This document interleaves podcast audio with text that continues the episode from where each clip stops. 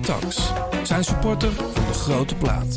Never Stop Cycling. Si t'as la moyenne en rien, tu pourras faire condé.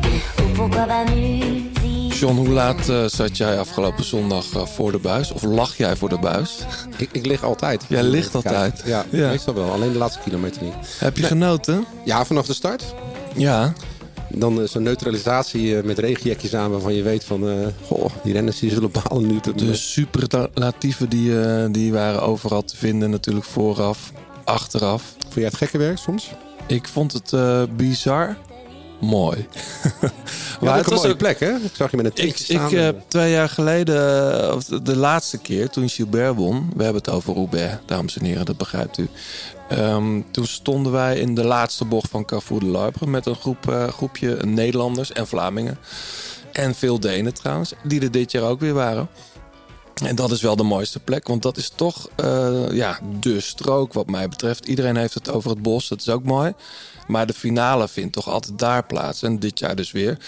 Ehm, ik heb mijn schoenen eh, herken ik niet meer terug. Die heb ik in de wasmachine gedaan. Zijn nog steeds niet schoon. Mijn broeken ook niet. Heb ik vanochtend ook eh, nog even te droog gelegd. Maar de, de, de modder van Roubaix is er nog steeds niet uit. Het was wel wat dat betreft wel gekke werk en gevaarlijk. En een mooie winnaar?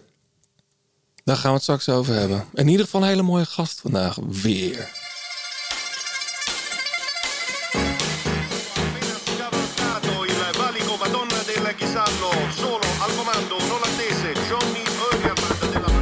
De liefde. De liefde voor de koers. Blijleven trok de sprint aan. Toen kwam John de Bravo eroverheen. En John de Bravo wordt de nieuwe kampioen van Nederland. Je luistert naar De Grote Plaats. Een podcast van oud-wielerprof en muziekjournalist John den Braber... en muzikant, zanger en wieler vanuit Blauwtsoen. Zij nemen samen de meest opmerkelijke gebeurtenissen in het profpeloton door... bespreken hun favoriete nieuwe muziek... en gaan op zoek naar het muzikale hart van renners... en het wielerhart van artiesten.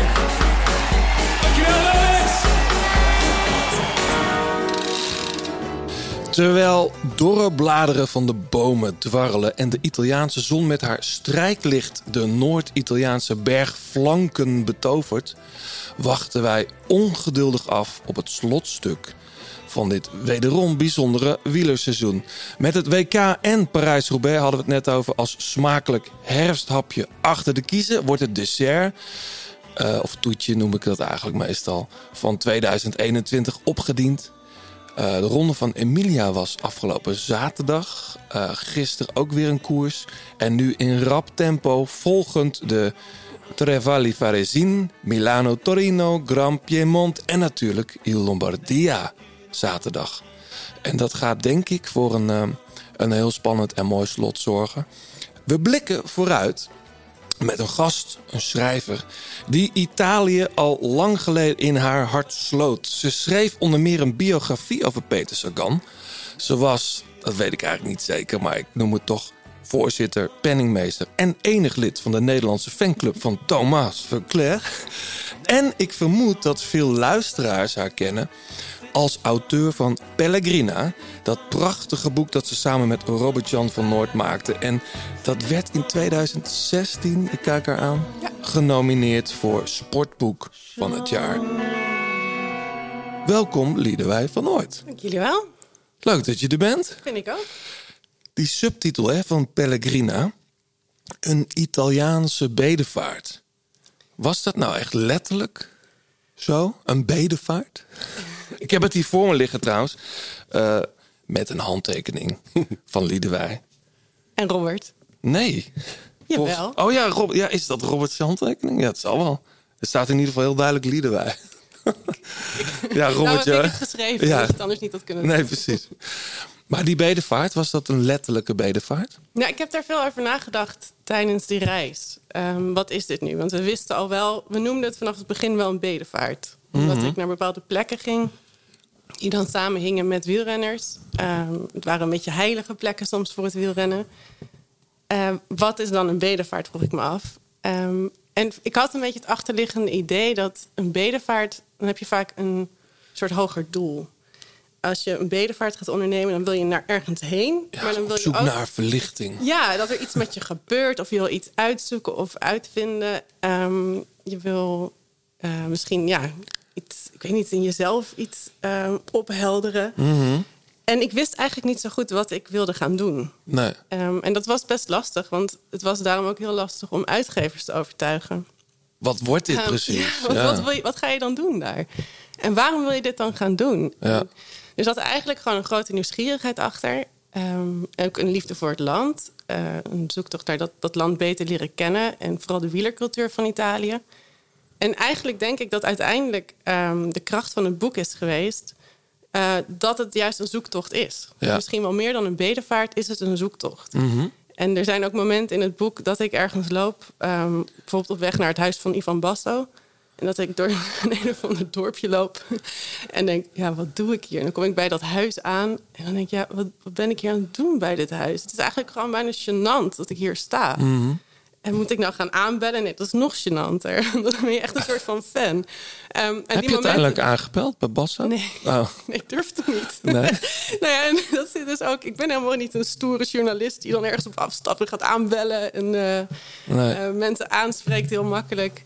Ehm, maar dat zit denk ik ook heel erg in het boek. En ik denk dat uiteindelijk ehm, dat de kracht is geweest. En dat Ja. gelukkig uitgeverij De Muur dat er ook in heeft gezien. Want Ja. het, was, nou, het was al een heel ver stadium toen zij zeiden... ja, wij willen dit heel graag uitgeven. Mhm. We gaan, we gaan straks uitgebreid met je verder praten over Italië, over de Italiaanse koersen. Deze week een soort toch van heilige week in Italië. Eh, van Emilia tot en met Lombardije. Elke dag is het feest volgens mij bijna. Behalve vrijdag, dacht ik. Maar goed, gaan we het zo over hebben. En natuurlijk gaan we even terugblikken op eh die legendarische Parijs-Roubaix. Want dat was het toch wel, John? Ja, zeker. Ja. Eh, heel veel muziek ook natuurlijk. Nieuw en oud. Eh Liedewij, je hebt ook muziek meegenomen. Maar we beginnen, John, even met eh, de meest opvallende dingen. Natuurlijk, misschien even aftrappen toch wel met, met Parijs-Roubaix. Praten we straks uitgebreid over verder. Maar de winnaar, Sonny Cobrelli. Ja. Ja, ik, ik, vind het een, eh, ik vind het best wel een mooie winnaar eigenlijk. Ja. Een beetje in de categorie Degenkop. Die toen ook eh, zich ontpopte ineens als een hele goede klassieke renner dat Mhm. jaar. En eh, iedereen was natuurlijk op de hand van Mathieu. Tenminste van Nederlands in bloed, denk ik. Maar Mhm. ehm, ja, op het einde zat het er gewoon niet meer in, denk ik. En zijn sputje op de baan was ook niet echt heel goed. Dat, Nee, was wel ik, ik vraag me af of die jongens dat, dat daar ook op oefenen. Of dat ze met een ervaren pissier gaan bellen en zeggen... joh, wat, eh, ik stel, ik kom op die baan aan met vijf anderen. Wat, wat doe ik? Mm. Volgens mij gebeurt dat niet. Misschien moeten ze jou een keer bellen. Nou, eh, ze kunnen altijd bellen. Maar Ja. ik zal me wel een beetje aan te ergeren hoe, je, hoe ze daar dan zo'n spurt aangaan. En eh, op een wielenbaan is gewoon heel anders sprinten dan op de weg. Ja. Je hebt wel vaak gezien met Tom Bonen bijvoorbeeld... die doorheen werd geklopt omdat hij eh, gewoon net iets te laat aanging. Dat, eh, Ja. zou op de weg nooit, nooit kunnen. Maar eh, Het is ook wel het, het is ook een soort atypische baan, vind ik toch? nou, het is helemaal geen steile baan. Nee, daarom. Maar het is wel, als je boven iemand rijdt, heb je natuurlijk, trap je veel zwaarder dan onder. Ja. Dus om er overheen te komen, zeker met van die dikke poten met 260 kilometer Ja. en veel kasseien erin, is dat gewoon zwaar. Ja. We praten zo meteen uitgebreid verder over parijs -Roubaix. Ik was daar het hele weekend ook. Eh, veel mooie dingen gezien, daar ga ik jullie over vertellen. Ehm, wij zijn niet na het WK nog terug geweest. Nee. Heel even een mini stukje WK dan. Ehm, mooie, mooie koers zeg. Nou ja, vooral eh, Bij de mannen. een grote reclamefilm voor het, eh, voor het wielrennen. Ja. Schitterend. eh, chapeau voor, de, voor, voor België, Vlaanderen, Sport, zo ze dat allemaal in beeld hebben gebracht. Ja. Mooie winnaars. eh, ja, een beetje bij vrouwen natuurlijk een, eh, een beetje een vreemde race van de, van de Nederlanders. Alweer. Ja, maar daar is ook al wat over gezegd. Ja. Eh, Maar daar dat- raken we niet over uitgepraat. Nee, Dat moet toch wel een keer iets gaan veranderen. ja. Nou ja, ja, nou ja. Ik, eh, Lieden wij? Ja, dat hoop ik dat er iets gaat veranderen. Het is toch... Ik vond het gênant nu. ja, Ik vond het nu gênant. Kijk, bij, bij, in de, bij de Olympische wegrit vond ik het al heel erg...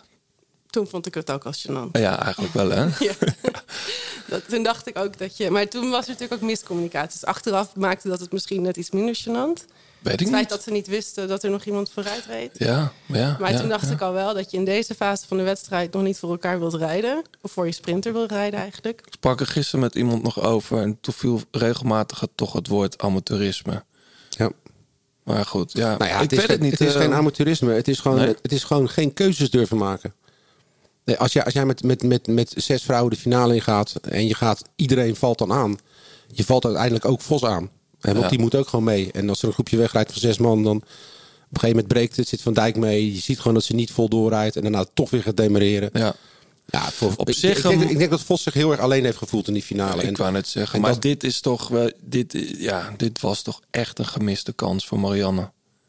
Ja, en het is ook haar zesde of zevende tweede plek al. Hè? Want ze heeft Ja. natuurlijk een tijdje gehad dat ze elk jaar tweede werd. Op dat- zich geen eh, vervelende winnaar. Die Balsamo is echt een goede renster. Ja, maar toch niet van het niveau van de Nederlanders. Ik bedoel, het is niet... eh, Nou, ze sprinten wel. eh, ja, ze is rap, maar ja. ik, ik vind het niet echt een, eh, een droomwereldkampioen. Laatste koers ook van Anne van der Breggen. Ja. Eh, ja, gaan we die missen? ja, tuurlijk, groot kampioen. Ja, ze was wel een soort van klaar. Hè? Ja, ze was echt klaar mee. Ik sprak haar. Ik heb haar nog een muzikaal saluut gegeven. De, voor voor eh, hoe heet het? Eh, Galit en Sofie. Het Ik zag het, ja. Die belde of ik een liedje wilde zingen voor Anna. Nou, natuurlijk wil ik dat. Je was de 90's ingedoken. Ja, there she goes. mooi nummer is dat. Ja, van de Laas. Wat trouwens een grotere hit is geworden met, eh, in de uitvoering van Sixpence None the Richer. Maar dat is hier niet zo bekend in Nederland. Die band ken ik wel. Ja, een goede band. Kiss Me, toch? Lee Nash, ja. Ja. Hey, ehm, nee, ik, wat ik wel opvallend vond, ik vroeg aan Anna, ga je dan nu eh, ook, ook aftrainen of hoe, hoe gaat dat? En toen had, daar had ze gewoon nog niet over nagedacht. Is dat raar? Nou ja ik, Ik vond het opvallend. ja, ik denk niet dat ze nu bezig is met schema's op te stellen van hoe ze, hoe ze eh, langzaam haar conditie af gaat bouwen. Maar is dat, is dat niet ongezond, John? Eh, Nou ja, ja, ja ik, Weet ik niet. ik heb het ook niet gedaan. Nee. Ik heb wel eens aan een sportarts gevraagd en die zei van ja, weet je, wat is het nadeel van niet aftreden? En die zeiden ja, eh, bedoel, kijk maar in de spiegel, dan zie je het. Weet je, dat je gewoon aankomt en. eh, maar het is schijnt niet, ja, weet tegen mij is gezegd dat het niet slecht voor je lichaam is of voor je hart of Nee. als je niet aftreedt. Maar ja, als mensen daar verstand van hebben, eh, hoe gooi je het even op onze socials? Ik, eh, ik zou het ook niet weten. Nee. ik kan Ja. niet, ja. Hey, ehm, verder nog dingen eh, eh, jou opgevallen, John? Nou, volgend jaar gaat eh, Parijs-Roubaix en, eh en Amsterdam Gold Race die, die wisselen van plek een keer. Ja. Omdat in eh, Frankrijk verkiezingen zijn. Ja. En ik, ik hoor dat ze bij de ASO super blij zijn dat, dat, dat Amsterdam Gold Race in, in Leeuwenvliet eh, dat hebben gedaan. Want Mhm. anders hadden ze waarschijnlijk helemaal niet kunnen rijden. Dus dat wordt wel bijzonder dat we een soort van Ardennen-achtige koers krijgen. En daarna nog eens een keer weer de, de kasseienmannen naar voren komen. Dus of ze dan ook dat door gaan trekken, of dat wordt wel interessant. Is dat nou, is dat dan juist goed voor de Amstel ook? Is dat, want dat is dan nu na Vlaanderen. Nou, dat was altijd een beetje een koers die ertussenin zat. Hè? Dat daarna het, het Luikse, dus altijd echt de, de, de van deze wereld naar voren kwamen. Ja, en nu zit dat natuurlijk een week voor Parijs-Roubaix. Dus eh, ja, wat ik al zeg, dat, ik ben benieuwd hoe, hoe, renners dat in hun programma in gaan passen. Ja. ja, ik heb het nog niet bekeken, de kalender. Maar dan de Waalse Spel zit natuurlijk normaal tussen Amstel en Luik in. Ja, Dus dat zal nu ook anders liggen. ja, ja ik weet het niet. Maar ik vind, ik vind het wel eh, opvallend. Verder nog? Ja, de, de, de L'Equipe, doorgaans eh, goed ingevoerde Franse krant, eh, die, ehm, die zeggen dat Tom Dumoulin naar Bike Exchange gaat volgend jaar. Volgend Eh, jaar toch niet? Of nee, eh, als zijn contract bij, bij Ja, Jumbo-Visma... 2023. Ja, sorry. Ehm, en dat wordt bij eh, Jumbo-Visma in alle talen tegengesproken. Dus eh, Ja, volgens mij is het typisch een L'Equipe verhaal. Die hebben denk ik gewoon met een Japanner of... Nee, wat is het? Taiwan? Giant? ja, klopt ja. Want volgens mij is dat de link. Eh Bike Exchange gaat volgend jaar al op Giant rijden. Dus die zeggen nu alweer dag tegen Bianchi. ja. En Giant is... die geloven wel in, dit, in, in die combinatie van toprenners eh, verbinden aan je fietsmerk. en, en Tom heeft daar natuurlijk altijd op gereden. Maar goed, we zullen het zien. Volgens mij eh, gaat hij eerst nog een heel mooi jaar bij Jumbo-Visma rijden. Zeker. Inclusief grote rondes. Ja, Heb ik mooi. begrepen. Ja, en eh, je, je hebt een klein feestje te vieren, eh, zag ik. eh. Sterker nog, dat heb ik vorige week met, met Robert-Jan van Noord, eh, mede-auteur van Pellegrina, al gevierd. want jouw documentaire bestaat tien jaar. Tien jaar geleden kwam Il Lombardia, ging in première ja, op het NFF hier in Utrecht. Ehm, documentaire over de Ronde van Lombardije. Ik, veel luisteraars kennen hem wel. Hij is, eh, ik krijg nog vaak de vraag, is hij nog ergens te vinden? Ja, natuurlijk. Die staat gewoon op Apple Plus, heet dat? Apple, iTunes. Je iTunes, kunt het gewoon downloaden of huren. Ehm, even een klein stukje, even een klein stukje om even in de sfeer te komen. Mag dat? Het is een van de grote klassiekers. als wielrenner wil ik daar deel van uitmaken. Het is de laatste koers van het jaar en de sfeer is eigenlijk heel, heel, heel bijzonder, heel speciaal. Bij de start al, al die tifosi die, eh, die hun helden van de afgelopen jaren eh, komen aanbidden. Een andere die koers liever in Frankrijk, ik koers liever in Italië.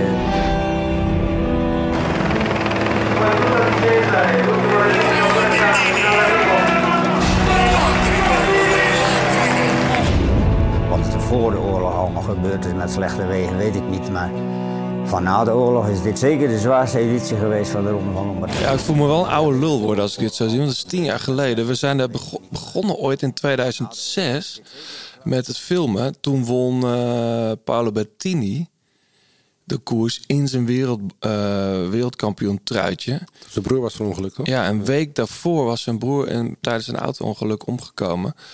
En, en we hadden het daar toen veel over. Een Nederlandse coureur zou dan niet opgestapt zijn. Een Italiaanse coureur, wij, stapt dan juist op om zijn broer te eren. Hangt misschien ook een beetje van de coureur af. Ja? Het is natuurlijk altijd verleidelijk om het ehm, op Italië en emotie, eh, om dat eh, samen te Er zijn wel veel verhaal. van dit soort voorbeelden. maar ja, Ja. ja. ik denk wel dat het een mooie, ehm, mooie uitlaatklep is. Of een mooie manier is inderdaad om die broer te eren. En een extra motivatie om eh, goed te rijden en de zinnen te verzetten. En er iets, eh ja, mooi eerbetoon uit te Ja. En te winnen. En hoe? Met, eh, met tranen kwam hij over de finish. Reed een, een bizarre afdaling van de San Fermo. En won toen. eh, ja, dat is mooi. Eh, als je die film nog een keer wilt terugkijken of voor het eerst wil zien, hij is gewoon, eh, staat op iTunes. Heel af en toe wordt hij nog wel in den landen gedraaid. Er is één masterfilm in omloop. En af en toe worden er nog wel eens vertoningen gedaan in kleine filmtheaters.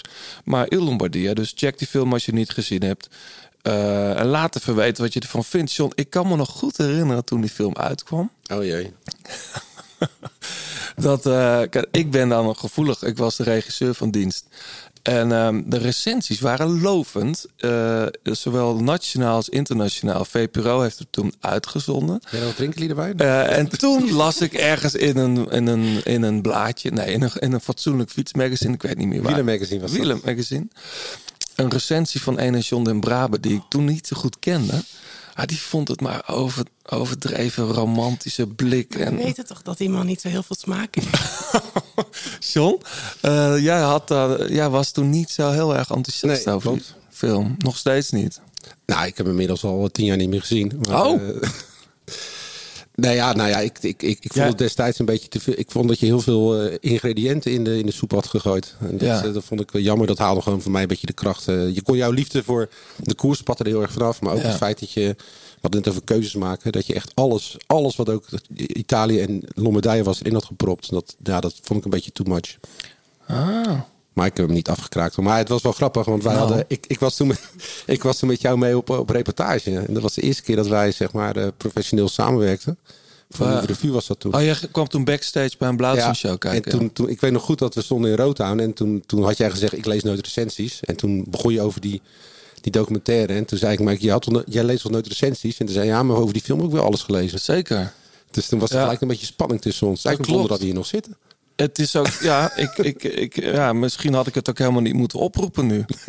Want het is, eh, ik, ik kan er zo weer over beginnen hoor. Ja. Het zit me nog steeds niet, niet lekker. Maar kijk die film verdomme nou nog eens. Ik ga hem, eh, ik ga hem kijken. Godsamme. Ehm, verder nog, John. De clubs zijn weer open. We mogen eh, spelen 75% capaciteit. En de clubs gaan om 12 uur dicht. Ja. Dat levert heel veel gezeik op. Ik begrijp nog steeds niet precies waarom. Maar het is een eerste stap naar een wat vrolijker leven. Ja, en ik zag een, eh, een, een flink volgepakte Ziggo Dome eh, afgelopen week waar de dijk eh, speelde. Oh ja. Vijf, 1500 jaar de dijk. ja, feit. Klopt, ja, precies. Dus ja, dat is te gek. Weet je. Het, is, het begint nu allemaal langzaam open Ben je zelf alweer naar een club of concert geweest? Ja, ik ben op een festival geweest een maandje geleden. Ja. In België dus. Ja, in maar in. Nederland bedoel nee, ik. Nee. Nee. nog niet. Ik, ik ga binnenkort weer eens laven bij een, bij een mooie, mooi optreden. Ja, en misschien uh, kunnen we dan hier ook weer heen. Een nieuwe track van Alt J. De hele ja. muziekpers had het erover. Wat klik je nou? Nee, niks. Someone holiday me having fun. Happiness is between two buds. Feeling funky on the ja, John, voor mensen die dit niet kennen, waar luisteren we naar? Eh, dit is een, eh, een bandje uit Engeland, eh, Al J. En die wonnen een jaar of tien geleden inmiddels alweer. Wonnen ze met hun debuutalbum de Mercury Prize. Het is een beetje een, ja, het, het zijn echte nerds. Al J is ook het, het- als je de combinatie op je toetsenbord voor een driehoekje geloof ik. Dat is, daar staat de naam voor. Eh, ik was die eerste plaats vond ik echt te gek. En die tweede stonden ook wel een paar goede nummers op. En toen ben ik ze eigenlijk een beetje kwijtgeraakt. Ja, ze hebben nog een soort remix-album gedaan met allemaal... Ja. met Volgens mij de tweede plaat die helemaal verhip-hopt werd. Ja. Vond ik wel vet. Ja, ze hebben, ze hebben echt een hele eigen sound. En als je dit ook weer luistert, het is eh, typisch Al J. En eh, ja, ik vind het een mooi nummer. You and Me. Het zijn echt, eh, dit is wel een band, merk ik tenminste, ook onder muzikanten en collega's. Het is, je, je vindt het helemaal tof of je vindt het vreselijk. Ja, er komt ook een beetje, met, vooral met oude werk, de, de stem van de zanger. Natuurlijk heel Ja, en de, en de kopstem. Ja. Oh ja, kopstem. Wat is er toch tegen kopstemmen tegenwoordig? Voor mij niks, maar... Nee, eh, ik wou net zeggen. Wat punten scoren goed maken weer. Wat? Ik hou van kopstemmen. Johannes. Ja, de- ze hebben natuurlijk dat ene liedje Matilda. Ja. En eh, sommige mensen trekken dat, die melodie heel slecht. Als je Ja. dat eenmaal in je kop hebt. Nou, maar dit is gewoon een heel... Dit is best een toegankelijk liedje. Ik maar vind het een mooie song. Ja, hun eerste album zat natuurlijk vol met eh, complexe ritmes en uh, voor slimmerik, slimmerikke muziek noemen ze het altijd. Dus, Mm. Maar ik, uh, ja, ik vind het een lekkere track. Goed, uh, de reacties voordat we verder gaan. Ik pak mijn telefoonnummer even bij. De shirts uh, zijn allemaal weer binnen. Dus de mensen Fijn. die nog geen, uh, geen shirt hadden, die, uh, die is nu opgestuurd. Ja, ik kwam, ik kwam mensen bij de start van het WK in Antwerpen. Was daar toevallig aan het werk. Dacht, ga ik toch 's ochtends even bij de start van de dames kijken. Toen kwam ik iemand tegen die een shirt had gewonnen. En die had hem al binnen. Kijk. Dus uh, ze worden goed bezorgd. En ze zijn er weer. Ja, en ik zag iemand op de Mol van toestaan met een shirt van ons. Oh ja. En, uh, leuk. Ja, hartstikke leuk. Uh, Diederik Bogaert, die uh, had een berichtje geschreven. Terug, een prachtige podcast. Een Vlaming neem ik aan. Mathieu blijkt in orde te zijn. Ik zou je anders toch even aanraden om naar Leuven af te zakken. Maar dat heb je niet gedaan, hè? Nee, ik hoor niet. Ik was aan het werk. Uh, en ik heb zondag uh, gewoon het WK op de bank. Ja. Al liggend gekeken. Nou, hij voorspelde vuurwerk en dat was er dus ook. En uh, getekende Belgische fan van Trend of Oaks en Arctic Monkeys. Dus daar heb je hem ook een plezier mee gedaan mm -hmm. met je vorige muziekkeuze. Plaat is uit trouwens van Strand of Oaks, het album. Ah, mooi. Uh, Rob Kuiper die schrijft... eh, Dankzij jullie veel nieuwe toffe muziek leren kennen. De Social Ride op 19 oktober staat in mijn agenda. Maar kan ik daar niet een grote plaatshirt rijden? Nou, dan moeten we even nadenken nog. Want ik heb namelijk nog iemand. Het uh, was wel grappig, want ik heb vorige... Twee weken geleden met een vriend heb ik uh, een toertocht gereden. De Harbor Tour in Rotterdam. Ah ja. Door het havengebied. Zag je er allemaal van die containers en zo Het was superleuk. Ja, ja. ja, normaal fiets je daar nooit. Nee. Want, het is niet echt een heel, heel mooi. Ik hou echt van bosrijke gebieden en havens. Dat vind ik nou niet. Ik ben niet zo industrieel. Maar het uh, was hartstikke leuk om te doen. Mm. En toen heb ik een tijdje in het wiel gezeten van een, uh, van een groepje en van een, een jongen met heel veel tatoeages en. Helemaal heel hippe, hippe gast met mooie gerange sokken. En uh, die sprak mij met het eerste rustpunt aan. Hippe gast met mooie lange sokken. Ja. Die combi dat moet, toch? Ja, nou, tegenwoordig ja. hoort dat toch. Ja, ja, lange, lange arrow sokken. Maar die, uh, die sprak mij bij het eerste tussenpunt aan van uh, fijne podcast en bedankt en leuk. En toen had een berichtje gestuurd. Het was een eer je, het was een eer je, in ons wiel te hebben. Moet toch een grote plaatshirt waardig zijn geweest. Mooie tocht, keep up the good podcast work. Groet van de blauwe voorband. Want die werkt voor mij voor dat fiets. Dat swap. Swapfiets. Ja, ik heb hier ook een swap in Utrecht. Ja, dus uh, Barry heet hij. Dus nou, Barry, uh, neem even contact met ons op en dan, uh, dan kun maar je... sinds wanneer rij jij, zit jij in het wiel, John, bij mensen? Jij rijdt toch altijd gewoon als voorop? Omdat we daar weer in tegen hadden. Oké. Okay. Ik zat lekker in... Ja, het was 150 kilometer. Ah, nee, ik was blij dat ik het leven had. Dus dat was hartstikke leuk. Het 36 wielershirt gaat dus naar... Naar Barry. Dus neem even contact met ons op en dan, uh, dan kun je volgende keer een grote plaatsje rijden. Je luistert nog steeds naar De Grote Plaats. Heb je tips of heb je een vraag? Laat het dan weten via Twitter, het Grote Plaats of Instagram. En laat een reactie en een beoordeling achter op Apple Podcast. Liederwij van Noord, nogmaals welkom. Dankjewel. Eventjes, ik zei gekscherend, je bent voorzitter, penningmeester... en enig lid van de Nederlandse fanclub van Thomas Verclair. Uh, maar hoe zit dat precies ook alweer? Jij hebt ooit een stuk in de muur geschreven. Ja, dat was het dat was een eerste... liefdesbetuiging. Nou, het was een... Ja, het was, nou, was het wel. Ja. Ehm, het, mijn, ehm, ik ben eigenlijk wielrennen gaan kijken een beetje dankzij Verclair. Ik, had, ehm, ik ben niet opgegroeid met wielrennen. Nee. Eh, ik ben een keer ziek geworden in juli.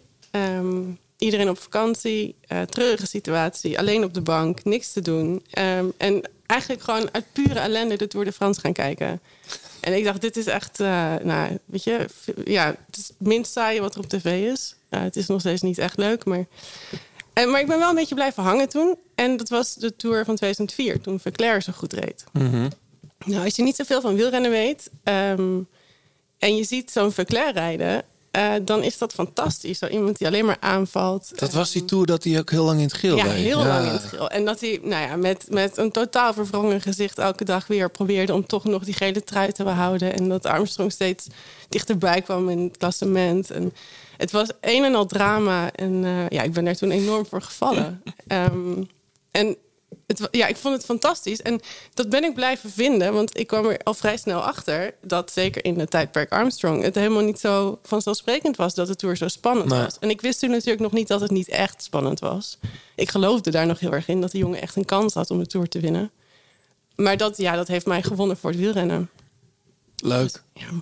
Veuclair, ja. You love, her, you love him or hate him. Er zijn nu mensen die alle Philippe een soort Veuclair 2.0 noemen. hè? Heb jij dat ook gevoel ook? Of? Nee, maar dat kan sowieso. Er is geen tweede Veuclair. Dat, Nee, maar kijk, even voor de mensen die Veuclair gemist hebben. eh, dat kan haast niet, want hij zocht altijd de camera op. Eh, tongetje uit de mond. Bekken trekkend. Bekken trekkend, om te laten zien. Nou, ik vond dat eigenlijk altijd best charmant. In die zin dat ik dacht... Ja, het is ook een televisiesport. Dus het is helemaal niet erg om af en toe even de camera op te zoeken. Maar hij maakte er wel iets meer drama van dan soms misschien nodig was. ja. Dus het was misschien af en toe iets te veel overacting. Het was iets te veel overacting. Eh, maar, en dat is natuurlijk de andere kant van Veuclair... het was ook gewoon een hele goede wielrenner. En een super aanvallende wielrenner. Ja. Ehm, dus ja, het was ook leuk om naar te kijken. En Vier, het was eh, wel- vier Tour de France etappes gewonnen, Plouet gewonnen. Maar die Tour reed hij volgens mij ook best wel kort nog hoor. Hij werd niet helemaal naar huis gereden. Welke Tour hebben we het nou ook weer? 2004. 2004. Ik zoek het heel even op. Had Want een ik, beetje zo'n, alle, ja, weer die parallel met alle Philippe. Ook zo'n soort kraakmoment in je rit waar hij echt tijd verloor. ja, Maar volgens mij wel tot 10 gereden. zo. eh, 18e werd hij uiteindelijk. 18e. maar ik denk dat hij tot vlak voor het einde heel hoog Ja, stond. Ja, klopt, ja. ja. Dat was de Tour dat Andreas Kleude tweede werd. Ivan Basso, waar jij niet durft aan te bellen, derde. hey, hoe gaat het met je? Wat ben je aan het doen allemaal? Ehm, ik ben iets minder aan het doen dan ik zou willen doen. Mhm. Eh, ik heb eh, in maart, toen ik nog in Italië woonde, COVID gehad, corona gehad. Mhm. Ehm, en daar ben ik nog steeds van aan het herstellen. Dus we zijn, volgens mij, ja, morgen is het zeven maanden geleden dat ik ziek werd. Eh, dus dat is een onwijs lang proces, helaas. Eh, Ja. Had ik niet verwacht, want ik was gewoon super fit en ehm, helemaal gezond. Eh, maar ik heb er een flinke klap van gekregen. Dus ik ben nog een beetje aan het opbouwen. Ehm, dus ik probeer steeds iets meer te werken, steeds iets Ja. meer te doen. Ehm, maar ik heb gewoon nog heel weinig energie. Ja, maar je schrijft wel. Ja, ik schrijf wel, maar veel minder dan normaal. Dus in een ander tempo. Mhm. Ik ben bezig met een boek over ploegleiders. Leuk. Eh, een nieuw project waar ik dus ook al heel lang eigenlijk mee bezig ben. Waarmee ik al verder had willen zijn. Eh, Actieve ploegleiders of, of allemaal. oud, ja. Geschiedenis, eh, maar ook actief. Ehm, dus ik wil eigenlijk een soort ode aan de ploegleiders schrijven. Ehm, ehm, dat doe ik aan de hand van thema's. Ja. Bijvoorbeeld winnen, verliezen, vallen, opstaan. dat soort... ja, ook, nou ja, nog andere Ja. thema's. Het verschil tussen vrouwen en eh vrouwenwielrennen en mannenwielrennen. Ehm, waarom die scheiding er nog steeds zo sterk is. Ja. Ehm, wat überhaupt het beroep ploegleider inhoudt, hoe het zich heeft geëvalueerd, ehm, hoe ploegleiders, zeg maar, eh, of bondscoaches teams smeden, hoe dat dan anders is dan wanneer je voor je ploeg rijdt. Nou ja, heel Ja. veel thema's die daarmee te maken Heb heeft. je Loes Gunnewijk ook al Ja. gesproken? Een flink hoofdstuk Ik goed zal, in Groenewijk. ik zal even wat ruimte voor de in. eh, Ja. in- Nee, maar je, je zegt het nu, eh, mannen, vrouwen. Er zijn het relatief weinig vrouwen nog. Hè. Kijk, Anna van der Breggen wordt nu ploegleider. Ze vertelde mij trouwens dat ze in de CIMAC Tour al even achter het stuur zat. Maar dat werd niet gewaardeerd, want Nee, die- dat, dat, eh, dat, mag, mag- zelfs officieel niet. Je moet daar een... eh, ja, wat moet je daarvoor hebben, John? Een Ja. licentie. En ja, heb jij nog een, een ploegleiderslicentie eigenlijk? Moet je die op een gegeven moment inleveren of zo? Of... Nee, dat is net met een, met een fietslicentie. Die vraag je gewoon aan. Ah, Oké, ja, per, ja die, per seizoen vraag je die Ja, aan. en, en het opmerkelijk is ook, ik, ik stopte in 2002 met wielrennen en in 2003 werd ik ploegleider. En dan ga je naar een, eh, een cursus in Woerden. En dan wordt uitgelegd hoe je kleding moet bestellen en hoe je in een karavaan rijdt. En je bent ploegleider. Oké. Dat was destijds, ik weet niet of het nu anders is. Volgens maar mij is een- enkele kwaliteit. Is het nu nog hetzelfde, Liedewijk? Ehm, nou, er zijn geen eisen, Hm. eh, maar er zijn steeds meer teams die hun eh, potentiële ploegleiders eerst op een coachingscursus Ja, sturen. ja, dat gebeurt met Anna nu ook. Ja. En Chantal waarschijnlijk straks ook. Maar dat is die Chantal, vanuit de eh, ploeg en niet vanuit de UC of de KMU. hmm. Ja. hoeft niet. En als je vergelijkt bijvoorbeeld met, eh, met, met voetbal, dan moet je gewoon betaald, eh, om betaald voetbal te kunnen coachen. Heb je gewoon echt een zwaar traject. Je Bepaalde doorgaan. niveaus ook, hè? Ja, dan moet je gewoon examen doen. Of je nou Marco van Basten bent of eh John de Braber. Als je dat wil doen, dan moet je gewoon een, eh, een Ja. traject ingaan van een paar jaar. Ja. En de wielrenners dat dus niet. Dus ik, vind het, eh, ik kijk er heel erg naar uit. Ik ben heel benieuwd. Want het is inderdaad een, eh, een raar slag mensen. En eh, ja, de Ja. ploegleiders. En ook, ook een hoop renners die eh, gewoon denken van... ik stop met fietsen, ik ga in die auto zitten. Wie, wie, eh, wie, kan je daar al iets over vertellen? Wie, jij- wie, daar, wie er in jouw boek zitten, om het zo te zeggen? Nee, ik kan er nog niet heel veel over vertellen. Nee. Ik heb het eerste hoofdstuk af. Ehm, daar heb ik wel wat mensen voor gesproken. Eh, maar ik moet eigenlijk nog aan het echte werk beginnen. En dat heeft dus allemaal gewoon heel veel vertraging. Je hebt wel een, een wensenlijst, Ik heb denk zeker een wensenlijst. Staat Hilaire van de Schuur daar ook op? Absoluut, bovenaan. Ja, bovenaan zelfs. Ja, dat nee, is, die staat er zeker op. Dat is natuurlijk een, een, een, de ploegleider van Inter- Intermarché, Wanti, Groep Colbert. Nou, of Groep Colbert is het niet meer, met Intermarché. Loopt al heel lang mee, hè? Ja, dat is denk ik, eh, die man is tegen de 80 voor mijn gevoel. Nou, hij is een beetje onder de vleugels van, van Jan Raas natuurlijk destijds eh, ge- ge- gegroeid. Hè? En, eh, Ja. Die heeft, eh, vergis je niet, de man heeft een ontzettend groot netwerk. Hij heeft destijds ook Vakant Soleil echt op de kaart Ja. gezet. Hè? Dat, dat hij het overal konden starten als beginnende ploeg. Dus een beetje een onderschatte man in de wielersport wel. Ja, is het zo? Ja, nou, er wordt altijd een beetje, een beetje belachelijk gemaakt hoe hij praat en eh, hoe die. hoe Hij is wel echt van de oude stempel. Ja, dat is het maar- ook een beetje. Weet je. En hij is amper te verstaan. En ik heb hem zelf ook als ploegleider gehad, eh, omdat ik ook bij Raas heb gereden natuurlijk. Ja. Maar eh, ja, als je nu kijkt met Wanti, dat is toch wel een ploegje wat er staat. En gewoon World Tour ploeg, uh, weer Ja. grote rondes, etappes. Dus chapeau hoor. Ja. Hey, ehm, over Pellegrina hadden wij het net al. Er is al heel veel moois over gezegd en geschreven. Ehm, voor de mensen die het boek niet kennen, maar hoe, hoe is het boek precies ontstaan eigenlijk? Ehm, het, volgens mij, het kan Robert eigenlijk beter vertellen. Eh, Robert ging een keer met zijn moeder naar Rome en ik had daar gewoond. En hij vroeg aan mij, heb je nog tips? Ja, Robert-Jan van Robert-Jan Noord. van Noord, ja. Geen broer of zus of neef, want het is van Noord met een D en van Noord met een T. Precies. Ja. En eh, de man van ons logo, hè? Pankra. Pankra. Ehm, en ik heb toen een, eh, een documentje voor hem gemaakt met mijn tips erin. Ehm, maar ik had wel een beetje insiders tips. Dus ehm, ook van, nou, als je, je moet naar dat kerkje, maar daar kom je niet zomaar. Dus dan moet je eerst daar langs lopen. Dat is de ingang van een museum, maar je hoeft niet naar de kassa. Je moet er gewoon doorlopen, want je gaat ergens anders heen. Dus je hoeft niet te betalen. Dan kom je van een pleintje uit, dan zit er links achterin het omhoog. Nou ja, zo'n verhaal was het Mhm. geworden. En dat is bij hem blijven hangen. Hij heeft toen alles gedaan wat er op dat lijstje stond. Zelfs ehm, in de buitenwijken van Rome gaan eten, omdat ik dat ooit eens had gedaan en dat heel leuk vond.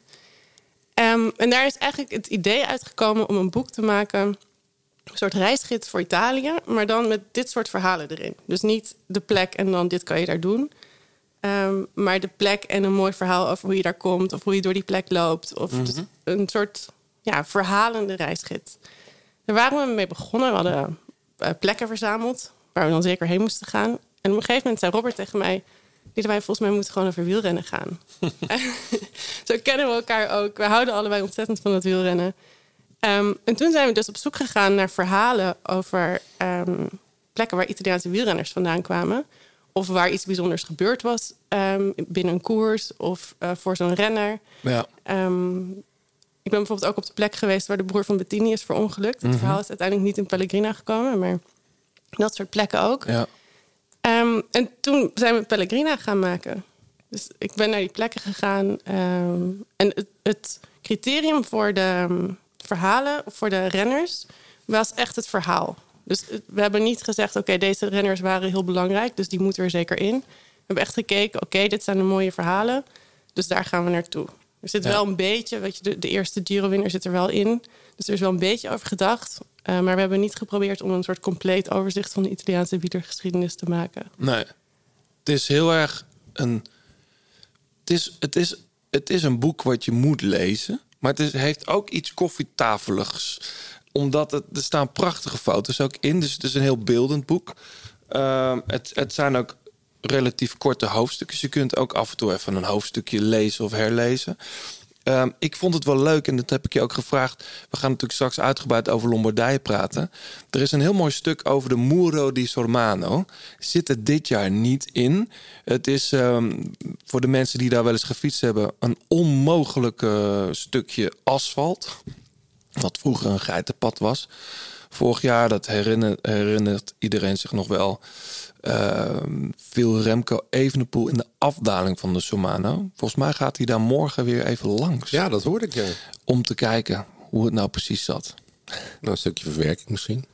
Ja, het is, het heeft hem eh, behoorlijk, eh, ja, het is een behoorlijk hoofdstuk geworden natuurlijk in zijn nog jonge wielercarrière. Maar goed, jij, jij hebt daar een, een, een mooi hoofdstuk over geschreven. Ik ga je niet vragen om het hele hoofdstuk te lezen, maar zou jij een stukje kunnen voorlezen uit dat boek? Ja.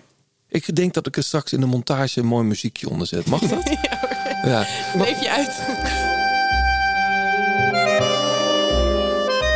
Een dag voor de ronde van Lombardije rijd ik door de streek.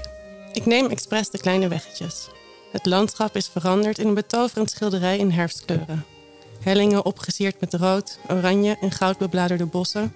Ertussen zilverblauw glinsterende meren. De weg wordt belicht door een waterig najaarszonnetje dat niet verwarmt, maar desondanks het landschap in een warme gloed hult. Er is slecht weer voorspeld voor morgen en dat is goed nieuws. Want de schoonheid van de koers schuilt ook in streamende regen en verkleumde vingers, slippende wielen, reflecties, rivieren van regenwater die hun weg over het asfalt zoeken, de heuvels af, het Como-meer in. En dan is er nog het mythische aantal renners dat de finishlijn van de Ronde van Lombardije nooit bereikt. Dat het seizoen graag 150 kilometer te vroeg beëindigt, omdat de hunkering te sterk is.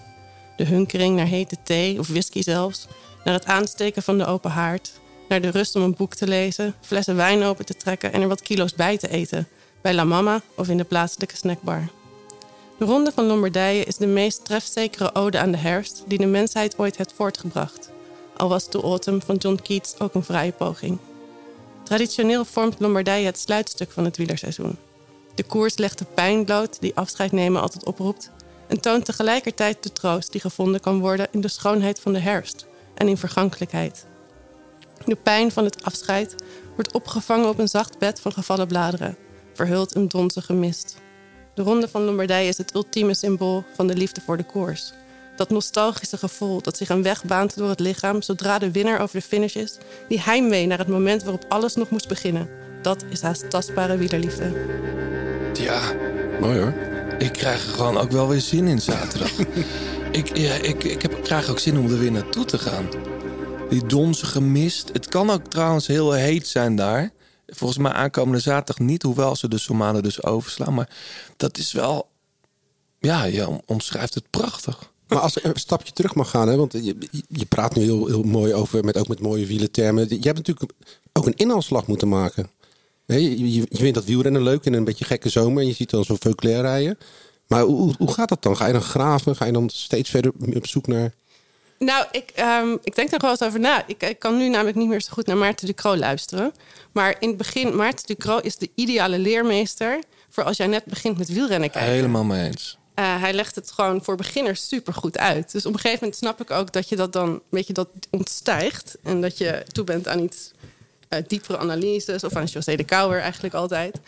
Um, maar ik heb heel veel aan Maarten de Croo te danken. Um, dus gewoon ja, kijken, lezen, uh, maar vooral koers kijken, koers kijken, koers kijken. En dat, ja, dat was natuurlijk iets wat eigenlijk vanzelf ging. Omdat ik dat al heel snel heel interessant uh, vond. Maar ik heb inderdaad wel een inhaalslag moeten maken. Ook naar de koers toe? Ga je ook wel eens naar koersen toe? Niet zo of alleen vaak. als het voor een stuk is? Om iets, ja, Ik, ik heb wel net, als ik wel stukken schreef voor de, voor de Volkskrant, dan ging ik wel naar de koers toe. Um, maar ik ben echt een tv-kijker. Ik vind het gewoon fantastisch om te zien hoe een koers zich ontwikkelt. Hoe kijk je dan? Bijvoorbeeld Parijs-Roubaix afgelopen zondag? Op de bank liggend. Ja? Nee, eigenlijk heel veel. Ik, meestal lig ik, maar ik, ik, heb eigenlijk heel veel ook zo gezeten. Ja, dat was deze keer wel. Uh, ja. ja. ja. ik heb sowieso de afgelopen. Um, ik, heb, ik heb omdat ik. Ja, ik was natuurlijk ziek, dus ik heb heel veel tijd gehad. En ik heb daardoor nog meer genoten van uh, de Giro en de Tour en de Vuelta. Um, En er zaten ook zulke mooie etappes bij en zulke mooie koers. En het WK ook weer, dat ik echt regelmatig zo het gevoel heb gehad dat ik een beetje overstroomde van wielerliefde het afgelopen Ja. seizoen. Dat ik echt zo zat te kijken en dacht, oh, dit is mooi. Ja, maar je- je weet, eh, je weet dat ik helemaal gek ben van, van de Ronde van Lombardije. Ehm, wat is nou de Italiaanse koers die jouw hart sneller doet kloppen? Ja, toch de Giro. Ja, de Giro. Gewoon de drie weken dwars door het land. Kriskras van noord naar zuid. Hoewel ze vaak het zuiden overslaan. Ja. ja, tegenwoordig komt het wel weer wat vaker. Af en toe Sicilië ja. erbij. Ja. Ja, het is sowieso altijd een beetje kriskras en niet alles. ja, wat vind je er zo mooi aan? Als je het vergelijkt bijvoorbeeld met de Tour. Ja, ik vind het zo. Ehm, ik denk dat wat ik er ook mooi wat het voor mij ook mooi maakt, is dat ik er heel veel in herken. Ehm, dat ik de taal herken, dat ik het landschap herken. Ehm, weet je, de, ja, nee, wat er gebeurt in het landschap. Ik kijk tegenwoordig ook heel erg naar de, naar de wijnbouwers en de, Ja. de, wat, wat er wordt ja, gebouwd in de uit, akkers. Jij woont in Piemont. Ik woon ja, in Piemonte. Ja. Ja. Ja. En dan ga je straks ook weer terug als je wat fitter bent. Ik ben nog een beetje aan het. eh. Ik weet, mijn toekom- toekomst is nog niet helemaal Nee. eh, uitgetekend. Dat is nooit helemaal bij mij. Nee. Ehm, er is een kans dat ik weer volgend jaar weer terug ga. Maar je zit midden in het wijngebied dan, denk ik. Ja, ja, Ja. ja, in de heuvels. Ehm, maar ja, het, het, het is ook een herkenning. Ehm, ja, en het, het is allemaal net iets minder gestrest dan de tour. Ja, Hm. Hey, en over Veuclair gesproken. Hè? Veuclair is inmiddels bondscoach. En een succesvol bondscoach. Zo, kan je wel zeggen. Eh, het schijnt een heel plan achter gezeten te hebben, zelfs. Het was niet even, van, jongens, vrijdagmiddag even bij elkaar zitten. Maar ze waren eh, schijnbaar al maanden toch wel bezig met, deze, met dit WK... wat Alaphilippe eh bijzonder knap won. Ehm, is er momenteel een renner waar, waardoor jij net zo gecharmeerd bent... in de koers? Dat je denkt, hey, daar zet ik de tv net iets eerder voor aan. Of, Nou ja, ehm, het is onmogelijk om Mathieu van der Poel niet te noemen. Denk ik. Mhm. En ook Wout van Aert, daar kan ik ook enorm van genieten. Ja. En ik denk wat, wat dat is, en wat, wat ehm, een andere renner moest ik gisteren nog aan denken tijdens eh eergisteren bij. Mhm. Eh, was Fletcher. Dat vond ik ook altijd zo'n Ja. fantastische renner die ook in Parijs-Roubaix er altijd voor ging en het altijd net niet. Die heb ik trouwens ooit een keer omhoog geduwd op de Sormano. In zijn vakantie-shirt. Het is een van zijn laatste koersen volgens mij. Ja. Ah, Fletcher is ook een mooie. Hij doet voor Eurosport deed hij nog wel eens wat. Maar ik zie hem nooit, ja, ik zie hem eigenlijk nooit meer. In zijn mooi Engels. Ja. Deed hij dan... eh, Hij was alleen niet te verstaan, dat was jammer. nee, maar ik begreep wel wat hij bedoelde. maar Fletcher, ook een mooie renner, ja. Maar wat maakt dat nou dat, dat de ene renner... Kijk, bij Mathieu en Wout is het denk ik... Is het best wel... eh, ja, hoef je het bijna niet uit te leggen of zo. Maar wat, wat maakt een renner nou de moeite waard om, om met extra aandacht te volgen? Aanvalslust. Ja? Ja, voor mij echt. Ja, Ja. Dat, want dat maakt de koers ook vaak. Kijk, als niemand meer... Dat zie je ook wel eens in de grote rondes. Als er dan niemand wil aanvallen. Of Ja. en dan niet eens proberen. En ehm, natuurlijk zit er een, een... Is het heel logisch. Als je op een dag waarvan je denkt... Nou, we gaan het toch niet redden. Het niet probeert. Mhm. Ehm, maar je had dus die mannen die het wel gewoon altijd deden. Zoals Verclair. En daar Ja. kon je gewoon op rekenen. Ehm, dat ze in ieder geval een poging wagen. Al is het dan maar voor het publiek. Ehm, Maar zit de schoonheid ook niet een beetje in het onvoorspelbare? Ik bedoel, los van de aanvalslust, want door aanvallen gebeurt natuurlijk vaak, maar vooral als je het niet verwacht. Hè, dat, dat wat je net zegt, dat je een eh, normaal gesproken een scenario waar je denkt, nou, dat, eh, dat wordt eh, de laatste 20 kilometer pas de eerste aanval en dan ineens op 80 kilometer gaat van de pool of even de pool. Of, Ja, precies. Dat is inderdaad, dat is zo mooi aan Van der Poel. Dat hij dus inderdaad niet de, de ehm, dat hij het anders doet of, of op zijn eigen manier doet of niet bang is om te verliezen. Eh, dat hij die risico's neemt van, nou weet je, oké, het is nog eigenlijk nog te ver, zou iedereen nu tegen mij zeggen, maar ik ga het toch gewoon proberen. ja. Ja. En ja, dat, dat soms, ja, hij, hij redt het dan ook vaak, omdat hij natuurlijk ook die enorme klasse heeft. Eh, en een Verclair zou dat misschien ook doen en het dan niet redden. Mhm. Eh, maar het wel doen, eh, dat is natuurlijk wat de sport uiteindelijk mooi maakt. Hey, waar, waar ik aan moet denken, dat klinkt misschien heel stom.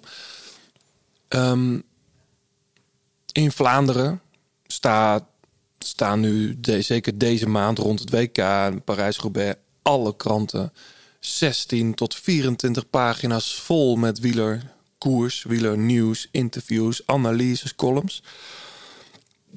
Dan denk je, dat zal in Italië dan ook wel zo zijn. Rond deze week bijvoorbeeld.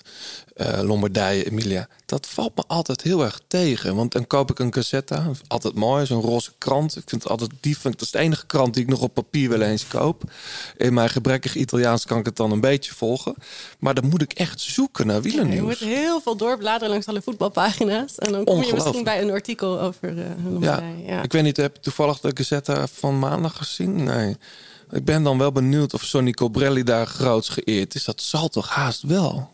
Mag ik hopen. Ik zoek het nog even op. Maar het valt me altijd wel tegen. Ik heb ook wel wat van die gazetta's bewaard van na de Ronde van Lombardije. Dan staat er op zondag, want ze komen zondag natuurlijk ook met een krant. eh, staan er drie pagina's. Nou, Lombardije. En de rest gaat toch over Juve en AC Milan en Ja. eh, motocross. Nee, MotoGP. Ja. Ja, het wielrennen, het voetbal is zo groot in Italië. ehm, en het wielrennen niet meer zo groot. Nee. Hoe komt dat omdat er een gebrek is aan echt grote verdetten? Ja, mis- ja, misschien ook wel een beetje. Of meerdere grote verdetten. Ja. Ehm, Nou, Colbrelli wint, eh, wint eh, Parijs-Roubaix. De laatste was denk ik Tafi. Andreas 99. Tafi. Andreas Tafi, ja. Ja, dus moet je nagaan. Maar goed. Hey, eh, we gaan naar muziek. We praten zo verder. Parijs-Roubaix. Even korte analyse natuurlijk nog. Maar eerst dit eh, heb jij meegenomen, John. De grote plaat kopgroep. Mornings turn to night, and then the night becomes the day. I can't keep up with time. I keep losing still, keep hoping for that when and you can change my mind. Not a slave if I'm already free. Not a captive if it's where I wanna be. Then the crowd calls. Who's gonna catch me when I fall? Hey, eh, dit eh, is... ehm, Dit heet eh, Gabriels of Gabriels. Gabriels, ja. Gabriels. En dat is een, eh, een trio uit eh, Los Angeles. We zijn nu vijf jaar bezig, hebben nog geen album. Wel een EP'tje vorig jaar of deze zomer uitgebracht. Blame. Ja, Love Hate in a Different Time. Ehm, het is eigenlijk een trio wat gebaseerd is eh, op, twee producers die de sound eh, neerzetten. En eh, Jacob Lask, dat is de zanger. Ah, Oké, ja. En dat is een jongen met een gospel, gospel achtergrond, dat hoor je waarschijnlijk wel. Kan je zeggen, ja. En die producers die komen eigenlijk een beetje uit de filmwereld. Een beetje het idee wat Haven bijvoorbeeld in Nederland. Dat is ook een twee van dat soort jongens. Mm. En ehm, ja, ik, ik, ik kwam hier eigenlijk per ongeluk langs eh, toen ik eh, een beetje aan het struinen was op eh, Spotify, op mijn playlist. Ik kende hem nog niet. Maar, Sfeervol, ja. Ik, ik, ik kwam hem ook ergens tegen. Volgens mij in een van de herfstlijstjes of zo. Ik weet niet, maar ik, het is net... wanneer is het uitgebracht? Nog niet zo lang geleden, toch? Nee. nee. Mooi hoor. Ja. Hey, ehm we hadden het vorige keer... Ik wou zeggen vorige week, maar vorige keer al eventjes over onze... Ja, ons slotstuk van het seizoen, eh, John. We gaan eh, eh, op onze tax in een virtueel tax-shirt een social ride doen op Swift. Zeker. Volgt u het nog? Eh eh Liedewijs, zegt dat jou iets? Het zegt me wel iets, Ja. maar niet uit ervaring. Nee. Wat, wij gaan dus eh, met een hele grote groep mensen... Hopelijk. Hopelijk. een social ride doen. Leg nog even uit, John, wat het is. Want het is geen eh, wedstrijdje. Het is eigenlijk een toertocht op... Een virtuele toertocht. Het is, nou, het is een groepsrit. Een groepsrit. Je start allemaal tegelijk en eh, het is de bedoeling dat je bij elkaar blijft. Maar we hebben dit al een keer gedaan. Ja. En eh, we hadden een aantal profs aan het vertrek vorige keer. Met eh, Dylan van Baarle onder meer. En Kirsten Wildree mee. Koen de Kort. Mhm. Steven de Jong, die ook nog net zo hard als een prof rijdt. Ik wou net zeggen, ja. En dus dan zijn er altijd gasten die natuurlijk even die jongens vuur in de schenen willen leggen. Dus het was wel flink uit elkaar geslagen. Maar het is, het is een groepsrit. ehm, die wordt georganiseerd door eh, NL Swift. Dus de, Ja. de- zeg maar waar Leon Verbonden, onze vorige studiogast, Ja. eh, voor werkt. En dan gaan we met z'n allen een lekker stukje fietsen. eh, een beetje chatten. En mensen kunnen vragen Ja. stellen. En, eh, Ik heb mijn tax echt letterlijk even afgestoft. Want die heeft toch een jaar gewoon op dezelfde plek gestaan. Niet zo heel veel gebruikt nog. Maar het is nu wel echt het seizoen. Ik moet er ook een nieuw stuurluntje op zetten. Want het zit helemaal vol met zout. En dat Oh, krijg je niet meer schoon. Nee. Eh, ik ga die fiets die erop staat ook niet meer op de weg gebruiken voorlopig. Want die staat er prachtig in.